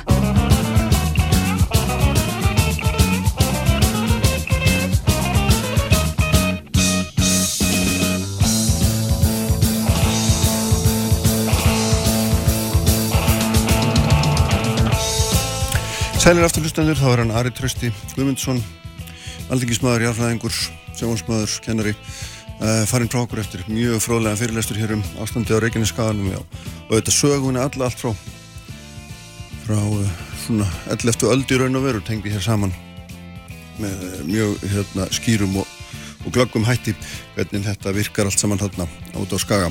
Nú Erna Bjarnadóttir verður hér í logþáttar, hún er, hefur sett að sett á stað undirskriftasöfnun sem hún kallar aðförað hilsu kvenna og er að, er að hérna, berjast fyrir því að við höldum hér rannsóknum á krabminn sínum, legalskrabminn sínum í landinu og er ósátt við hvernig helbriðs, ég vil það að fara með það mál. Alltaf við ræðum það hér eftir, þeir eru sestir hjá mér eh, Sigur Hannesson sem er frangatastur í samtaka einarins og eh, Jökull Solberg Öðinsson sem er frumkvöðl velkonni báðir. Takk fyrir. Við ætlum að ræða hérna, við ætlum að skiptast á skoðunum um leiðnar út úr út úr kreppunni þið voru að koma inn þingi sigurður þar sem þið laðið fram 33 tilugur samtökuðin aðeins um það hvernig hérna að fara þessu og Jökull, þú hefur verið að stúdira þetta líka. En byrjaði aðeins svona, eða bara tekum nú saman hérna svona fyrir okkur hvað ég ætlum ekki að fara með þér í 33 tilugur en nei. hvað er svona mikilvægast? Hvað, hvað er nummer eitt? Nummer eitt er að slíta fjötra hlaupa hraðar sækja tækifærin. Þetta er svona kjarnin af því sem við vorum að tala um á einþinginu og það er sannlega umhugsunarvert að heyra af margvíslegum fjötrum sem að voru rættir á einþinginu af bara félagsmannum, fólki sem er í atvinnurekstri og rekst á hindranir á hverju meinasta degi fjötra sem að valda því að við getum ekki hlaupið en satt og við viljum fjötra sem að valda Hvers því að fjötrar eru þetta? fjötra sem að valda því að við erum ekki að sækja tækifærin. Þetta er bara, við munum örgulega ræða þá eftir fjötra mm. í til dæmis byggingarinnaði sem valda því að uppbyggingin er ekki nægilega hröð. Uh, þetta getur verið regluverk, þetta getur verið líka bara afgreðsla eða menning hjá hennu ofnbæra. Þannig að þetta eru bara lítiladriði og stór mm. allt þar á milli. Þannig að skilvirknin er ekki eins mikil og hún á að vera. En skonar hindran er á vegi manna sem eru hérna. Algjörlega En það er hins vegar í mannlegu valdi að slíta þessa fjötra og það eigum við að gera á næstu mánuðum og þessar 33 tillögur eru í rauninni bara aðgerri sem hægt er að ráðast í nú þegar til þess að einfalda hluti mm. og það var mjög áhugavert og ég fagna því að ráþeran, innar ráþera talaði í sínu máli á einþinginu um einföldunabildingu sem næstu bildingu og skrifaði um það grein núna í dag í, í sunnundasmokkan. Mm -hmm. Ég er algjörlega sammála því, það er mikið tækifæri þar. Hvernig slæri þetta því okkur? Þú hefur aukist að vera, hérna, vera frumkvöld og vera í, hérna, puttana í, í hinum og þessum svona nýskopuna fyrirtækjum, þá ertu líka tillaða sósilisti, þannig að það er nú svona já. skemmtileg það staða kannski, ég veit það ekki. Já, já, ég get verið með nokkra húur á það. Já, sko. já, akkurat. Um, Já, svona, við erum að tala um hérna, til dæmis byggingageran, sko, ég er með hérna, sprota sem heitir Planetor og, mm. og hérna áður en að viðtalið byrja, þá vorum við, við hérna séður að spjalla saman um það, sko, þar eru við að, að reyna að hvernig þetta pipeline, getur við sagt, sko, hérna fyrir mannverki gerð lítur út, sko, og það er mikil skortur upplýsingum á, á þessu sviði að geta sé byggingamagn og hvað er verið að gera í hvaða sveitafélagi og allt þetta, sko. Mm. Þannig ég get nú tekið alveg undir, undir að, að hérna, það skortir um, kannski einhverju yfirsýn og, og, og, og annað sko svo hérna þegar að, en, en hins vegar sko þegar ákalli kemur um að hérna að það sé svo mikið af fjöturum og hindrinum sko þá hérna þá þurfum við að dýfka það samtal kannski aðeins og greina nákvæmlega hvað er átt við sko, þú veist náttúrulega mjög mikið af reglum með að fullkvæmlega rétt á sér og hérna það er alveg eðlilegt að hafa ákvæmlega kröfur á, á, á hérna, mannverki gerðs og húsnaðis og örug og allt þetta sko, eitthvað sem við þekkjum þannig að hérna, já kannski frá mér, mér séð þá þurfum við aðeins að fara mm -hmm. Þú ert ekki tilbúin að einfalda þetta svona búin umhugsunarlaust? Nei, nei, ég svona, hef verið að skoða varandi svona húsnæðis geran líka sko út frá út frá hérna, stjórnmálum, þú veist að byggja í kreppu sko, þú veist, er það ekki kannski lífyrirsöðunni sem getur komið þar inn? Hérna, Ólaf Margesson hérna, hagfrængur hefur mikið verið að benda á það að hérna, þetta er svona build to rent mótel eins og heitur einsku, það sem að hérna, lífyrirsjóðnir og lífyrirsjóður út, út um allan heim eru, eru hafa gert þetta og hafa fengið mjög fína ávastun út úr þessu. Og það bara... Þannig þeir sem sagt byggja bara húsnaði sem er gaggert til þess að leiði út Já og þeir þurfu náttúrulega ekki, að, ekki að sækja lán sko, þetta eru aðlar sem eru með greiðilega sterkar eigni til þess að fara sjálfur í, í, mm -hmm. í hérna, mannverkjagerðina sko. Og það eru þá mér stöðulegi fyrir byggingagerða vonandi sko fyrir hérna þess að fremkvæmdar aðala sko. Og hérna bara sem, sem dæmi um, um, um sko fleiri hluti sem hættar að gera heldur en að, að hérna, fækka reglunum sko. Það sem við erum að tala um er ekki kannski beint að fækka reglunum heldur til dæmis eins og, eins og fyrirtæki sem að jökulli með og fleiri Planitor er mjög gott aðeins með þetta sem snýr bara því að, að svona varpa svolítið ljósi á það hvað er í gangi hverju sinni. Og það er, við síndum til dæmis myndbönd á einþinginu og letum gera myndbönd af því hvernig talning íbúða fer fram. Það sem að starfsmæður samtakaðinarins, ég þreytist nú ekki að segja þetta keirur um bæinn og, og telur Nei, nei, hann telur ekki krána. Nei, telur hann telur, hann telur hús, hann telur svalir. Hann lappar um byggingasvæði já. og reynir að velta fyrir sig hvað, hvað hérna, Frankveld eru komna lánt Þetta og er svona á, ástand sem hefur verið svona, bara, svona 15 ár, þá hefur þetta verið eina aðferði sem hefur ja, Þetta var svona fyrir hrun og þetta er svona ja, Frá 2006-2007 eitthvað svo leiðis og sko fólk, gestir yðnþings heldu að sko, þetta væri grínskets en við þurftum að benda á það eftir þingið að þetta væri raunverulega svona sem að talningi færi fram. Þannig að við hefðum einhver upplýsingar um það hvernig uppbyggingin væri. Annað dæmi sem að var sínt á innþinginu er dagur í lífi arkitekts sem að þarf að prenta út stórar arkir, tegur langan tíma handskrifa, setja þið skottið fara með á, á skrifstofu setjafélagsins til þess að fá samþýttið að sinjun, aðra undirskrift, svo er þetta skannað inn og svo fer þetta verkstað og þar fer þetta inn í skápa því allir notaði rafrænu skjölinn. Mm. Og þetta tekur, getur tekið bara marga, marga daga. Það var til dæmis tekið dæmu þá á innþinginu að bara prentkostnaður í einu verkefni nummi mörgum miljónum. Og við vitum alveg hver borgar þetta. Þannig að þetta er dæmu um það þegar þarf ekki endilega að, sko, við erum ekki að tala um að, sko, einfalda regluverki kannski þarna eða dragur kröfum á Nei. varandi byggingarnar heldur að auka skilvirknina í stjórnstíslunni af því það sparar okkur bara greiðarlega fjárhæðir. Eitt sem að, ef við má skjóta inn hérna eitt sem að hjálpar skilvirknina að fara í, í sko hérna stafræna lausnir. Algjörlega. og það hefur verið hérna blásið til sóknar það er náttúrulega hjá ríkinu sko. Mm -hmm. og, og hérna mjög flott að sjá það sem að fjármálaráðandi er að gera með, með hérna, stafrænt Ísland og, og, og hérna, það verður mjög gaman að sjá að næsta árum þegar að þau verkefni hérna, líta taksins ljós sko. Svo og hérna, hvort að eitthvað þeim munir rata fyrir alla þessa geira og einfaldar hundra mm -hmm. þeim megin sko. en, en hérna, það má benda á það að, að hérna, þú veist, svo sókn hún, hún, hún kostar mikla fjármunni mjög mikið af fjármagnar sem farið í það verkefni mm -hmm. og réttilega sko en, en hérna þá ætlaði að koma á sveitafélaginu sko sem eru kannski eh, fjársveltari sko og sérstaklega núna í COVID sko þannig að mm -hmm. þá er bara þeim mikilvægur að, að hlúa þessum málaflokkum sko og passa fjármagnir fá að fylgja það með sko Algjörlega, en það er mikið sko, það er rétt, það kostar auðvitað að, að breyta þessu en það er líka rosalega dýrt miklu kostnæðasamar að hafa þetta eins og þetta er fyrir samfélagið mm. og bara fyrir okkur öll. En þegar við erum að tala um sko 33 leðir út úr kreppunni þá erum við að tala um 33 leðir sem getur gagnast okkur þegar í stað til þess að, til þess að hérna, einhverjum sérlega sko lækka aðunleysi. Það hlýtur að vera megi markmið allra aðgerða í augnablikkinu og, og bara neyðarastand sem blasir við sámasöðunni sem við vorum að ræða eins aðan að það er 25% aðunleysi á því svæði. Uh, og, og hérna sko það er þetta svona, þá erum við að tala um, að tala um skamtíma lausnir það að búið til stafrænt Ísland sem tekur þrjú orð er ekki skamtíma lausni þessum skilningi, ég menna það er líka eitthvað sem þarf að horfa á ekki satt? Hvað gera menn í dag og morgun en ekki bara til þrjú orð Já, algjörlega, ég hérna um, það er mjög, mjög sárt að horfa upp á aðtunleis á söðinu sem sérstaklega náttúrulega og, og hérna hvernig það leggst ójæmt á ólíka hópa.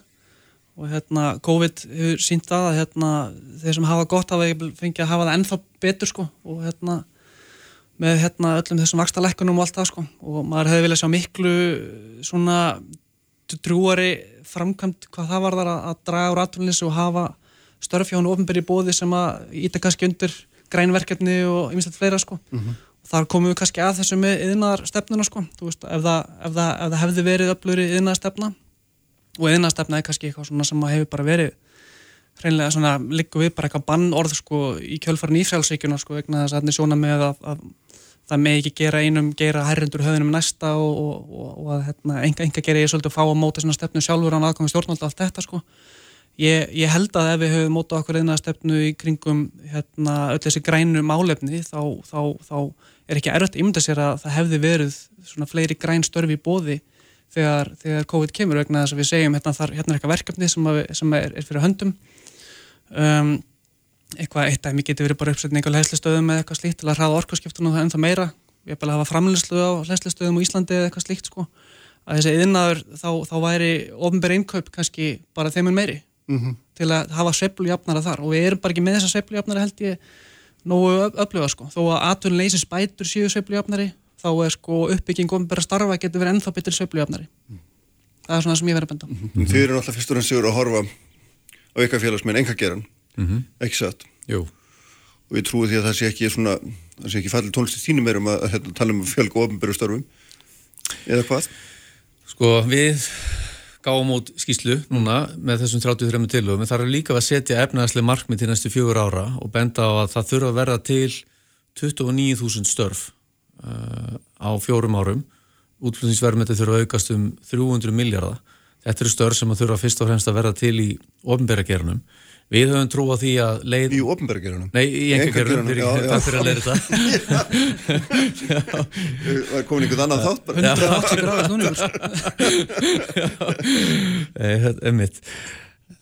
Leið Vakstar mm. er svo leið sem að, sem að mun auka efnaðslega velsælt og auka lífskeiði landsmanna á meðan leið aukina skattlagningar, hún tefur endurreysnina.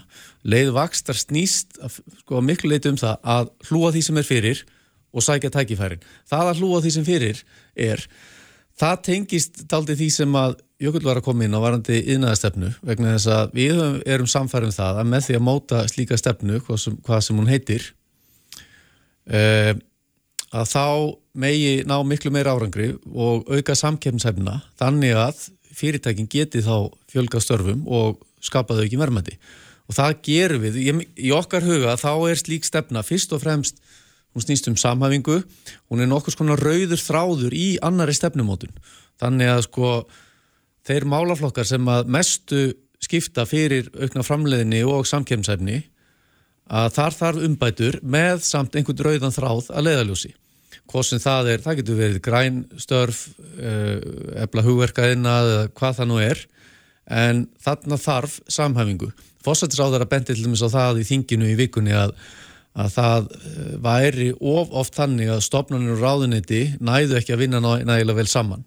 Þau væru hins vegar þjónar samfélagsins alls og undir þetta tökum við heilsugar samhæfingin er svo mikilvæg þessi málaflokkar eru mentun sem eru tækifæri fyrir einstaklingin um leið og mentun eru mannusmál fyrir fyrirtækin og skólakerfi hefur kannski sínt hinnu síðanemnda of lítinn skilningi gegnum tíðina. Það er innviðinir að þeir séu tröstir, hvort sem það er húsnæði eða bara vegir flugullir. Það er nýsköpunin og umgjör hennar sem er því besta sem þekkist vegna þess að hugvitið er alþjóðlegt. Það er án landamæra þannig að ef að við sköpum því ekki samkjömsæf skilir þá verður það vexta bara annar staðar og síðast en ekki síst verða starfsumhverfið að það sé skilvirt stöðut og hagkvæmt sem að það eru skattar og gjöld, það er regluverkið og þetta bara afgriðslan, þessi menning sem við töluðum um áðan. Þarna þarf, þarna þarf samhæfingu og með því og þá náum við bara miklu miklu lengra. Þú segir réttilega að við getum ekki, það er ekki nóg að fara í aðgerðir eftir þrjú ár eða skapa störf eftir þrjú ár, það vantar störfi núna, hárétt. Uh, við erum hins vegar með að, þeim aðgerðum sem var ráðist í á síðast áratug búin að byggja undir nýja stóð, fjóruðu stóðina, fjóruðu útfylgingstóðina sem er hugverkaðinæðurinn. Við okkur hefur verið tamt að tala um þrjástóðir, sjáurútveg, mm -hmm. orkusækin innað og ferðarþjónustuna. Núna er raunveruleikin sá að það er komin þessi fjórastóð. Um, Hínastóðinar byggja á nýtingu öðlinda sem eru takmarkaðar á meðan að fjórðastóðin byggir á okkar stæstu öðlind sem er hugvitið.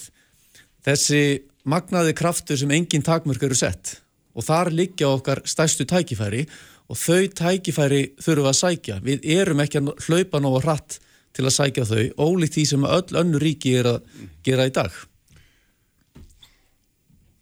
Amen á eittur efninu bara. Hvað ert að hugsa þegar þú ert að tala um innstefnu? Hvað ert að hugsa um þar? Mér finnst þér svo sett til að tala um meiri nýtingu orku. Já. Svo dæmis er tekið. Um, gott dæmi núna er til dæmis um, Joe Biden stjórnin er, a, er að panta endurskoðun eða rýni á virðiskeðjum sem var það þjóðarhagsmunni um, efstu tvei liðirnir eftir tvær virðiskeðunar sem skipta mestumáli fyrir Joe Biden stjórnina er örgjöröfnir Intel er að dragast mjög mikið aftur úr Tæfan og Suðustur Asjum og um, það er mjög slemt þú veist þannig að þetta er orðið og þetta er þjóðarhagsmun að mála að, að bandaríkjum eins og farabrótið þeirra mati sko og nummið tvö er hérna raflöðinarinn að raflöður eru að fara að skipta greiðilega miklu máli og svo virðiskeiðja er hún er tegð svo sem yfir heiminn en, en, en, hérna Kína á kannski 60-80% af henni. Og þau telja það að vera hérna farið svona storka þeirra hagsmunum mjög mikið. Þannig að það er bara verið að sko þetta er yðnaðstefna þetta er bara verið að segja hérna eru bara leikil hérna geirar sem þurfa aðstóð og stuðning. Og það er bara vel hugsanlegt að Indel muni fá bara gríðala mikla aðstof frá ríkinu til þess að þau eignist svona hérna stórt og öflutt uh, félag. Þannig að þessi hugmyndafræðum að ríkið þurfi aldrei að stígun og þurfi ekki að skipta sér að þurfi ekki að greina þessi skipti mestu máli einhver, einhver eðinar umfram einhvern annan svo hugmynda er svolítið döið og hún dó svolítið með nýfrjálfsíkjunni. Þannig að ef við ætlum að heimfæra þetta á Ísland þá, þá hérna, þurfum við til dæmis að skoða orkugerðin Um, núna er, erum við hérna, þrá, þrástóru kaupendur þessi þrjústóru álver og ef eitt er að hérna, fyrir þá losnar við mjög mikið raforku og, og, og jáfnvel þó að enginn er að fari þá, þá er eh, kapsmála að fjölga eggjunum í þeirri körfu sko. og þá held ég ef ég væri að vinna fyrir landsverkinu og ef ég væri viðskipta þróun þá væri mjög flott að hafa plagg og bakum mig frá hérna innar á þeirra sem segir bara þetta eru geiratnir sem við viljum selja orku til. Og það er ekki nógu mikið til af þeirri stefnu.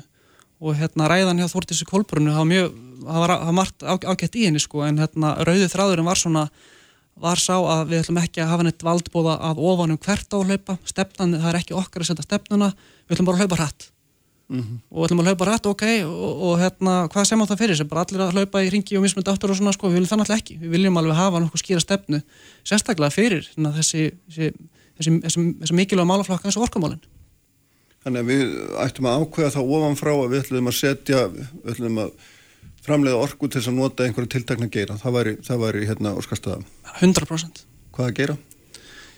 Um, raflögu yðnaðurinn er að vaksa mjög mikið. Mm. Ég, er, ég er ekki kannski nóg mikil sérfræðingu til að geta búið til þetta plagg hún er bitni útsendingu en þú, það, þarf, það þarf að greina þetta og, ég, já, já. og, og, og hérna, við viljum nota orkun okkar í eitthvað já. sem bara meika sens fyrir okkur. Mm -hmm. Er þetta eitthvað sem þú getur skrifað undir á því?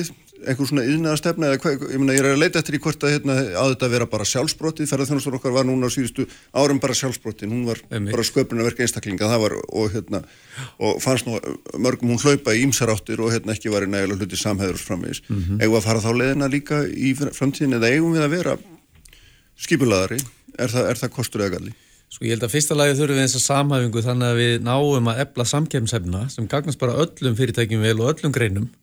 Þannig að allir geti gert það betur sem að þau eru best í. Hins vegar finnst mér alveg koma til greina eins og Jökull nefnir að við hérna, einblínum á einhver ákveðin tækifæri. E, það eru þetta mikil tækifæri framundan annars vegar í hugverkaðinaðinum og í orkusæknum yðnaði, yðnaði sem tengist hröðum tækniframförum en líka grænum lausnum og loftasmálum uh, eins og raflöðuna til dæmis, það er gott dæmi um það gagnaver, það er annað dæmi því að með 5G að þá mun gagnamagnu þetta aukast. Þannig að þetta er svona dæmi en, en eins og staðan er í dag þá bara erum við ekki eins og hlaupa. Önnur ríki, við getum séð eins og Google er að fjárfesta í Danmörku, Microsoft er að fjárfesta í Svíþjóð fyrir mjög háar fjárhæðir. Í báðum tilvikum eru stjórnvöld í þessum löndum að sækja þessa fjárfestingu sem að skapa auðvitað uppbyggingu en líka störf og umsvið og mikla tekjur inn í þjóðabúið til viðbótar við, til dæmis eins og Microsoft ætlar að taka þátt í að koma inn í mentamál varandi teknikreinar og, og fleira. Við erum bara ekki eins og með. Og þetta er auðvitað ekki nógu gott. Við verðum, draugumst það bara aftur úr. ef maður bæta þess við Já. þá hérna ég held að við þurfum ekkert endilega að, að, að, að tala um þetta alltaf við þurfum að Ísland þurfa að leggjast einhvern veginn svolítið flatt og undir eitthvað reysa sem þurfum einhvern rosalega flottan hérna, samning og ívillanir og okkur svoleiðis það er kannski eh, stundum hérna, er kannski fyrst, fyrsta skrifið að búa til aðlæðandi pakka til þess að fá til því þekkingu en svo það náttúrulega skrif nummið 2, 3 og 4 að ganga út á það að við öllum þessari þekkingar og við byggjum hana upp til þess að við getum ekki þátt í einhverju uppbyggingu á yðnaði sem er í mikill mótun okkur núna. Þannig í stað þess að fá yðnað sem er mjög svona hérna, fullþroskaður og tækni framfæriðinu kannski ótna fyrir eitthvað hægari þeim yðnaði. Það var mér persónulega spennandi að, að reyna að spotta svona það sem er coming up sko og að njó, njóta þá góðs að því að taka þátt í þeirri Er það þekkingar. ekki svona áhættu samur bransi fyrir hefur ofinbera sem er að, að nota í það skatt við? Algjörlega og, og hérna áhætta er samofin uh, þekkingar öflunar. Það er bara þannig, en ríkið er kannski akkurat aðilinn sem hefur þessa stærð og þetta bolmag til þess að taka áttuna á sig sko. En við má hvað að sé aðeins komin í þetta. Þetta snýst ekkit alltaf bara um fjármunni, heldur snýst þetta líka bara um það eins og að það koma, við vorum að horfa á sko nýjar greinar sem eru þá að, að hérna, vaksa bara á heimsísu, þá snýst þetta líka bara um regluverkið. Að regluverkið sko gerir ráð fyrir þessari atvinnustarfsemi þannig að það getur þurft aðlögun á, ýmsum sviðum bara til þess að, að hérna, greiða göttuna. Þannig að fjármunum eitt en, en líka bara umbætur, eðlilegar umbætur er það sem skiptir ekki síður máli. Þannig að það þarf að hugsa um það, en sko þetta eru langtíma hagsmunir sem við megum ekki missa sjónar af. Þó við séum kannski að reyna að slöka einhver elda núna eða í rústabjörgunni eða hvað við viljum kalla það, Já. Að þá megum við ekki missa sjónar af þessu. Þetta er stærsta efnahagsmáli fyrir okkur í dag. Að við höldum fókus og förum í þessa uppbyggingu. Annars bara verðum við eftir fimm ár eða tíu ár hérna þrýr saman í þessu stúdíu og eiga nákvæmlega sama samtal um það af hverju gerðum við ekki eitthvað þegar við höfum tækifæri til þess. Já, mér finnst að þetta er gott í það vegna þess að þetta er þetta samtal sem maður á aftur og aftur. Þetta er ekki fyrsta samtalið sem þú tekur gerir það fyrir. og, þarna, og, og einmitt aðan það sem vorum að ræða um það að í, í góðari er gott að undirbúa sig fyrir hallari með því að skipulegja það sem væri gott að gera þá Mhm. en nú stöndum við náttúrulega fram fyrir því að það er enga fjárstingar hjá hann ofnbera að minni að átt að vera vegna þess að verkin er ekki tilbúin sem er bara klassist Já, klassist dæmi en sko það er, það er hérna það er líka alltaf svona sko langtíma hugsanir fín og allt það en svo, svo er við líka alltaf bara með þetta fólk sem að stendur hann bara að byggja sig henni, já ekki fyrir salt í grötin Mhm. hvað gerum við þá? Þetta tala bara vísi atvinnleysi núna Ég er bara að í, vísi í það til dæmis bara Já. í nánustu framtíð skilur að því COVID eitt er að, eitt er að ætla að framlega batteri eftir Mhm. tíu ára en annað er bara dagurinn í dag Ég held að við höfum hort fram hjá sveigjanleika ríkis fjármála. Uh, narrativi núna er, er svolítið að við höfum aftengt ríkis hérna, lögum ofnbæri fjármál til þess að geta farið úr hérna 20% ríkiskuldum í 40 um, önnur ríki eru bara að ganga miklu lengra og þau eru að nýta seglabankana miklu betur til þess að setja hérna, til að ta taka við skuldunum. Mm. og meðan við erum með hérna lána, lána hérna, lána sísluna og, og, og hérna markaðurinn er að þrýst upp vöxtunum uh, í Breitlandi til dæmis er 92% af ríkiskuldunum sem verið, hefur verið emt til í COVID uh, liggja bara hjá, hjá hérna seglabankunum og, og, og Bank of England, Sælabanki Breitlands er líka búin að móta sér stefnu í kringum og þau vilja uh, búa til sér grænt umhverfi og mismuna vöxtum eftir hvort að þau eru að kaupa eignir á markaði sem eru brúnir eða grænar. Mm -hmm. þannig að þetta er að vera miklu meiri samhældn og samstilling á milli Sælabanka og Ríkisjóðs og 40% er ekkert mikið ríkiskuldum þú ert með miklu minni vexti þá við hefum ekki verið að horfa á skuldur í hlutalið þjóðaframlöslu við hefum verið að horfa á skuldir hlutulega við þjóðaframlæstu og vakstastíð. Mm. Vakstastíð er lágt, þá, þá eikst þetta sveigurum sem við höfum greiðarlega sko. Þannig að ég held að við getum, við hefðum getað farið í mun meira aðgerði sko. En fólki, svona almennt í umræðinu, talað um að það hafi verið mjög röstnælar og mikla aðgerði fyrir efnahagsreikninga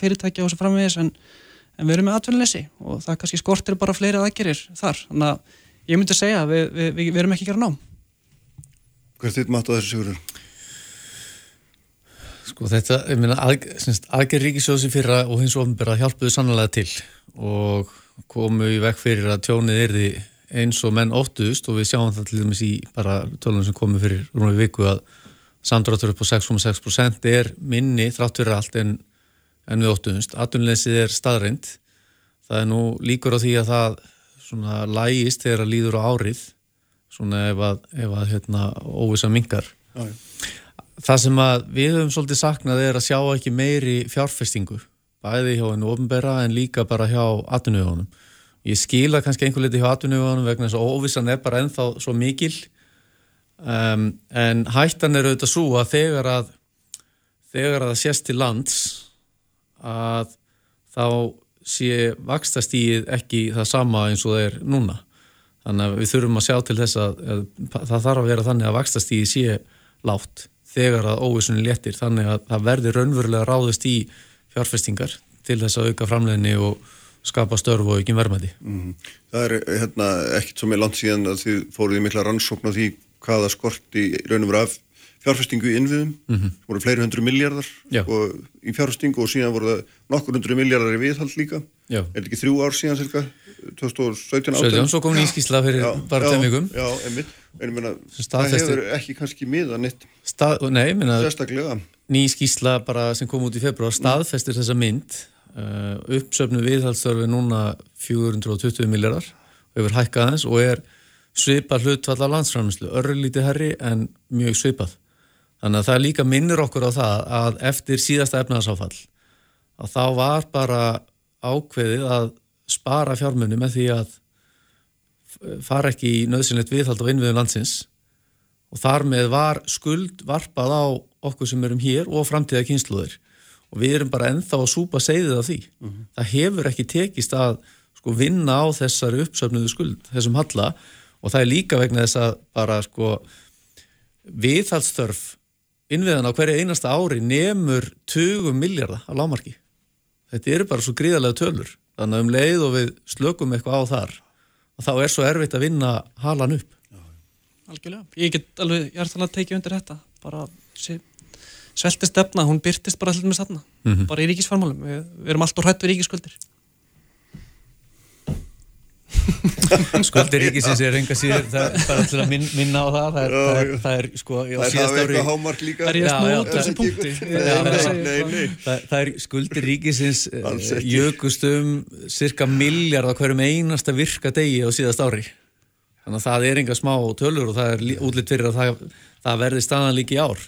Og þessar skuldir auðvitað þarf að borga tilbaka á einhverjum tímapunkti. Og það gerum við ekki með því að fara leið aukina skatlækningar sem að tefur endurhausnina.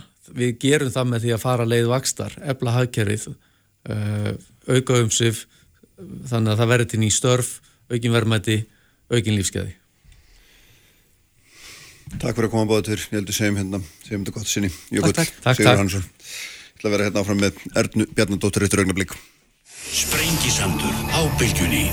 Frettir þjóðmál og pólitík. Sprengisandur á bylgjunni. Sælir afturstundur, þá erum við hér á lokaspettinum og sprengisendinum í dag. Þeir eru farinir frá mér Jökull Solberg Auðinsson og uh, Sigurður Hannesson. Eftir umræðar hér um svona, hvað hefum við kallað, yðna stefnu getum við kallað og svona einni og horfum að horfa inn í framtíðina til þess að svona átt á því hvað leiðir væri best að fara í, í svona bæði, bæði til langs og skamstíma getum við sagt.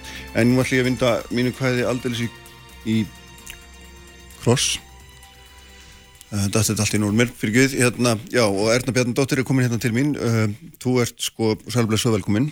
Sæl Sko, þú ert, þú ert forsprakki undirskriftasöfnunar sem að hérna, heitir aðförað heilsu kvenna.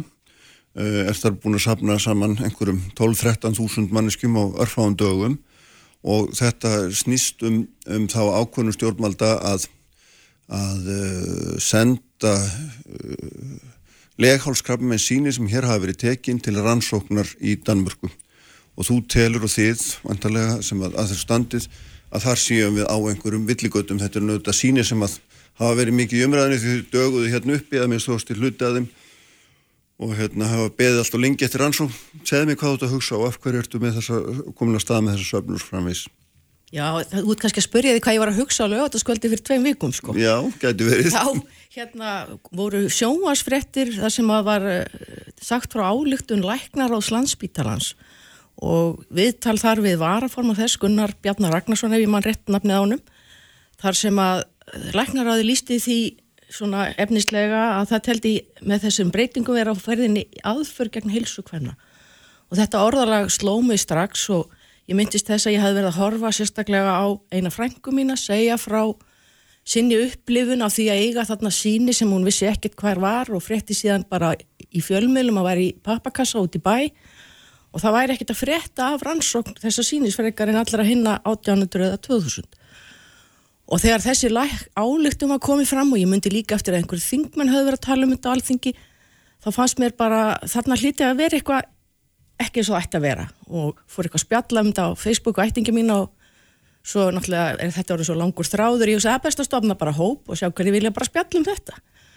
Og ég stofna hóp, hann er opinn og geta allir séð og allir verið með og hérna daginn eftir voru komin hundrað í hópinn þegar ég vaknaði. Þá bara ringdi ég mig hérna Erna ætlar ekki bara að hafa undirskriftasöfnun? Ég sagði bara, jú, ég ætla að gera það og ég ætla að eiga og ég ringdi þess að frængu mín hann að Margareti Hildi Ríkastáttur og baða hann að vera með mér á þessu og síðan þá eru komin yfir 12.500 mann síðan hann hóp og á 17.000 undirskriftir og ég tel nú að þessi 12.500 eða hvað eru nákvæmlega hljóti með þessu að vera svona allavega ljá þessu sína áherslu mm -hmm.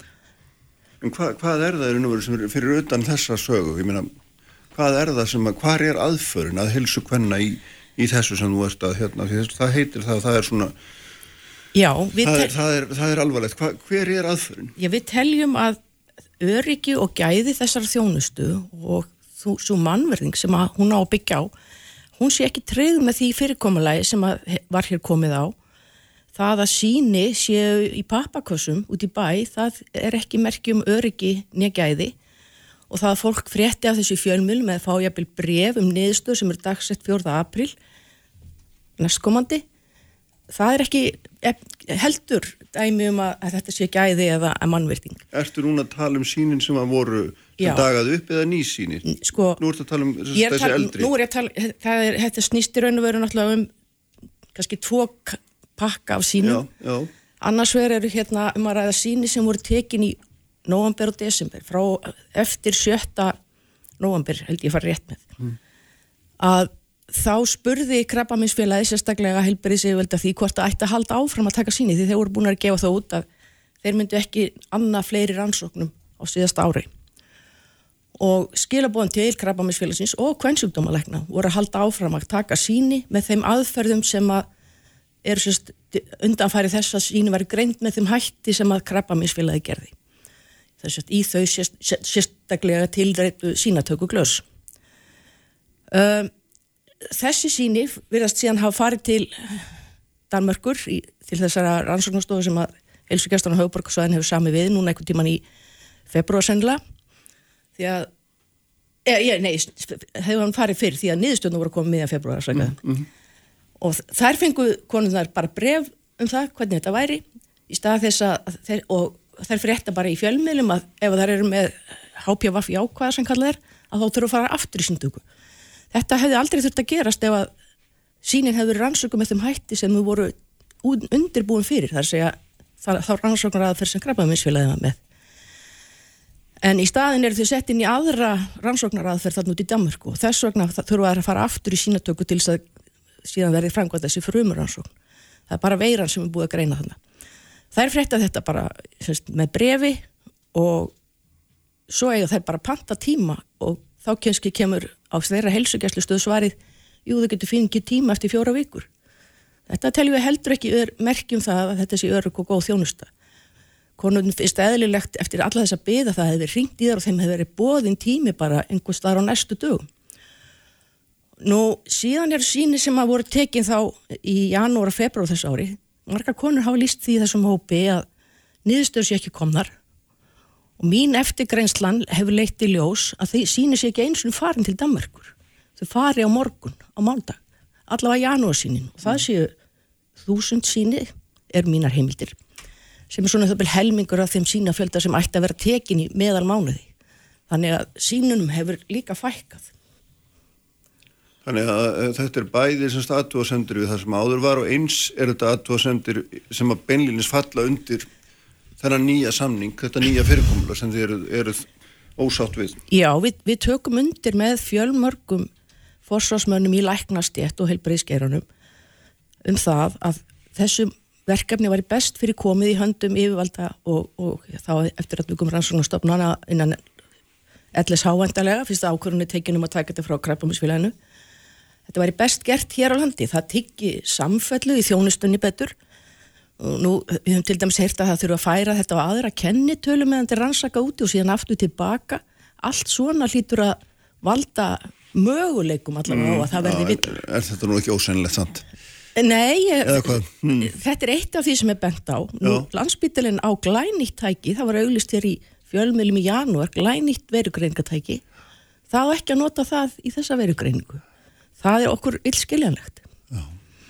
E, sko, það sem náttúrulega kemur fram þegar maður fyrir að skoða þetta, það er, það var, var, er, það er til eitthvað sem heitir skimunaráð og, og hérna, og það er, gefur út álið til í oktober 2020 og þar kemur fram að sko sérþekking á skimun fyrir krabminni leihalsi og brjóstum er takmörku á Íslandi og hérna uh, að þér, að þér hérna eh, stendur. Og, og, og þess vegna þetta tekur heilbriðisráðra það ráð eða gríp til þess ráðs að, að, að semja við fyrirtæki utan Ísland en þið, þú ert og þið gerir ádráttar þess að kröfum að þessi sindir heima.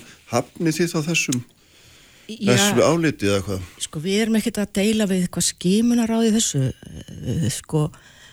Meiri hluti fagráð sem skimanir fyrir legahálskrabba minni það í áliti þess kemur skýrt fram og það tellir best að, að allur rannsóknarstarf sem fari fram hér á landi. Þrýr af fimm í því fagráði skiluðu þessu áliti? Þannig að er ekki þannig að við höfum bara fundið þetta upp svona í einhverju hérna, kvöldspjalli í hveragerði að það væri best að hafa þetta svona. Og ég kannski kemur bara meiri sé að vitna hérna í bref Jóns Gunnlaugs Jónassonar yfirleiknis meinafræði deildar þar sem hann segir að forsenda þess að gæði og öryggi sé í takt við alþjóðlega staðla er svo að HPV frumiskiminin verði áfram hér á landi. Þetta er nú nokkuð afdrátt og löst mm. Og eh, frumi HPV er veira, veiruskimun síðan er þá frumiskiminin sem er aftur eh, hérna, frumu fræði sem að lífendafræðingar og, og læknar sem er sérhæður í, í frumu fræðum gera. Nú, tækin sem að krabbaminsfélagið á til þess, þau eru ný, þau eru 23 ára. Uh, Þar starfaði starfsfólk við þetta. Nú svo hef ég meira sér að tekja eftir því að stundum er ráðist starfsfólk erlendis frá í störf, sérhæf störf hér á landi. Þannig að, svona hlutir hljóta bara að vera verkefni, ekki vandamál. Og hva, hver verður eitthvað bóðskapur til helbriðisráðsans þegar, þið hitti hana á morgun? Já, okkar bóðskapu verður sá að gæði og öryggi þessar þjónustu séu tryggð og þau eru ekki með þeim hætti sem að konurna vilja í dag. Það hefur skort þar að ekki á alla fræðslu kringu þessa breytingu og það þýr ekkert að benda konum á að það er bara að googla sín og heimasíður landlæknis og lesa einhverja skimunar leiðbenningar þar. Það er auðvitað skilda heilberðið síðvalda þegar að um svona viðamikla breytingur ræða fræða fólk. Nú, notendur þjónustan voru heldur aldrei spurðir þeir, hvað, hvaða þætti þeir lögðu áherslu á þessu og ég veit ekki til að það fari neginn heldur rannsókn á því hvað þeir sem ekki hafa notað hana, hvað hefði þurft að koma til til að þeir myndu vilja. Það að þetta er að kosta 500 krónur í helsugjastlunni þegar þú þart að, að hérna, býða kannski dögum saman og, og panta jafnvel tíma eigin frumkvæð, maður ekki alltaf bóð og þetta er, þá er manni bóðið, ekki mm. bóðaður að koma í svona skimun mm. og grundvallar atriði til þess að fólk noti svona þjónustu er auðvitað að það ríkir tröst og virðing millir aðila og því miður þá allavega hefa margir líst öðru í þessum hópi og þá þýr ekki að tala til hvenna eða nokkur annar yfirleitt með því að það með þó ekki tala um vandamáli. Þetta er ekki eins og ávera og það þarf að laga, það er bara sveinfald. Það er ekki staðrind líka erna að, að kerfið sem við höfum haft núna undanfarin ár, sjálfsagt áratug eða meira, ég veit ekki hversu langt aftrætt að fara, það hefur ekki virkað það þurft að gera því breytingar þess að mér skilst allavega það sem ég er að reyna að lesa mig til um þetta að, að, að fjöldi þeirra sem að sótti skimanandar hafi farið vinkandi og, og hérna dánatíðni af völdum leihálskapmins hafi aukist hvert og það sem það ætti að gera með skiplari skimun. Já, ef það er vandamáli sem er verið að reyna að leysa með þessu, þá er það auðvitað gott og vel. En það hefur því miður allavega ekki tekist betur til en þetta og fram til 2013 þá var krabbaminsfélagi Hérlandi í fremsturöð með Kristján Sigursson yfirleikni þar varðandi það að halda saman tölfræði og gera rannsóknir á þessum hérna, úrvinnslu þessara gagna sem söpnuðist við sínatökur. Síðan þá hafa læknar og aðri yfirvöld Hérlandi ekki á öðra byggja en hérna erlendum rannsóknum fyrst og fremst það með skilst þannig að, jú, gott og vel ef það var ætlunum að ná í fleiri en var það þá gert með þeim hætti að reyna að komast að því hvað þyrti til að fá þær sem ekki komu í þetta. Nú sagði ég áðan eftir því sem að mér er sagt að það hafa verið séu núna í landinu 2000 síni sem er ekki fænt í Danmarkur eftir tvo fyrstu mánu ársins.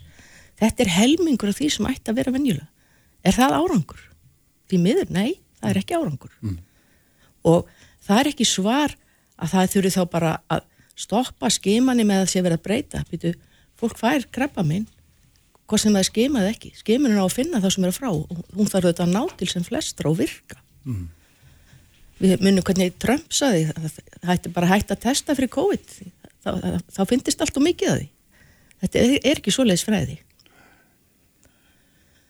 Þannig að þetta er ykkar skilabóð til helbriðs og það er að verða greinlega þau að, að þessi þessi grundallabreiting sem átti að verða á þessum skimunum og rannsóknum á þeim sínum sem úr þeim koma, hún hefði mistekist með öllu. Já, okkar skilabóð verið þau að hlusta á þessa sérfræðinga sem við erum reynið verið bara að taka undir eftir að þessi fésbókurhópur fór á stað og, og reyndar áður líka. Hafa fjölmarki reyta greinar í blöð og komið fram og líst því, ég lísti nú hvaða frétt var það sem kveikt í mér með já, já, já, líst því, líst á ekki sínum á þessu. Og okkar skilabóð er þetta viltu vinsalega hlusta á þessa sérfræðinga og því takið höndur saman og komið þessi lag? Því að það er líf og helsa hvenna sem er undir og hún varðar auðvitað alla í landinu því við erum alla hluti á fjölskyldum. Mm. Og hvað svona já svo mér helbrið sáður að segja já ég hlusta á þetta og hérna, skal glöðu taka til til þess og svo hvað? Ég, ég svo ég segi, þegar ég satt heima hjá mig klukkan 10 og lögataskvöld En, en er, er, er það eitthvað svona frágangsadri í raun og verðin, sko, er eitthvað frágangsadri sko, hvort að sá sem að rannsaka þetta sé stattur akkurat innan borgamarkar Reykjavíkur eða sé einhverstar annars það er ekki bara gæði þjónustunar númer 1, 2 og 3, er ekki það sem er aðaladrið? Gæði þjónustunar númer 1, 2 og 3 en í sörum landsbyttalans til heilsvíkjæslu höfborgsveðis í þeirra sumar þá segir akkurat þetta Forsenda þess að gæði og öryggi sé takt við alþjóðlega staðla er svo að HPV frumskeimin verði áfram gerð hér á landi. Mm. Ég bjóði ekki til. Ég las þetta í brefi sem að glansbyttalinn sendi í hilsugjastlu höfborgsvæðisins. Mm. Og það er prófessor og yfirleiknir og meinafræði deilt LSA sem skrifar þetta. Ég get ekkert bætt þar um betur. En mér er ljúft að taka undir þetta. Já. Þannig að allt svona sem þú hefur skoðað og því hafi hérna, komist á snóður um, það bendir til þess að þetta hafi hérna, eftir því sem skilaði að vera ítla undirbúið og hérna, markmiðin, markmiðin sé óskil og það, það hérna, sé ekki sjánlegur árangur. Það hlýtur eitthvað að vera illa undirbúið ef að síni sem voru tekin í byrjun janúar hér á landi eru ekki enn farin til rannsóknustofi í Danmarku. uh, fimm af hverjum sex sínum sem voru tekin á Íslandi voru tekin hjá krabbaminsfélagin skóarhýð þau fóru bara með liftu eða, eða trillu inn í annað herbergi í sama húsi það þurfti ekki að setja þau út í sendibíl keira eftir reykjarnisbröðinni, setja upp í flugvel setja þau aftur út í bíl þar skiptum kennitölu á þeim, rannsaka skiptum kennitölu aftur og sömuleið tilbaka mm. uh, ég held að svona áhættu stjóra þó ég sé nú engi sérfræðingur því myndi nú segja að þarna væri nú öruglega fleiri möguleikar á eitthvað kemi fyrir heldur en að trilla þessu milli herbergja heima á Íslandi. Við verðum hérna, láta þessu loki hérna það komst ekki lengri í bíli en það verður frólitt að sjá hvernig við þessu erindi eitthvað verður bröðist á morgun. Takk fyrir að bjóða mér Já, það var nú lítið, takk fyrir að koma og vegna ykkur sem er best. Uh, en við verum að láta sprengisendurinn loki í dag. Ég verði að við haldur svona stýruð auðvitað útsendingu eins og alltaf, allt efnið okkar er á vísi.is og bilgjum.is og svo má auðvitað finna okkur líka. Hvar er það sem hægt er að sækja hlaðvarp, Spotify og út um allt. Og svo verði ég hér aftur með ykkur eftir viku, verið sæl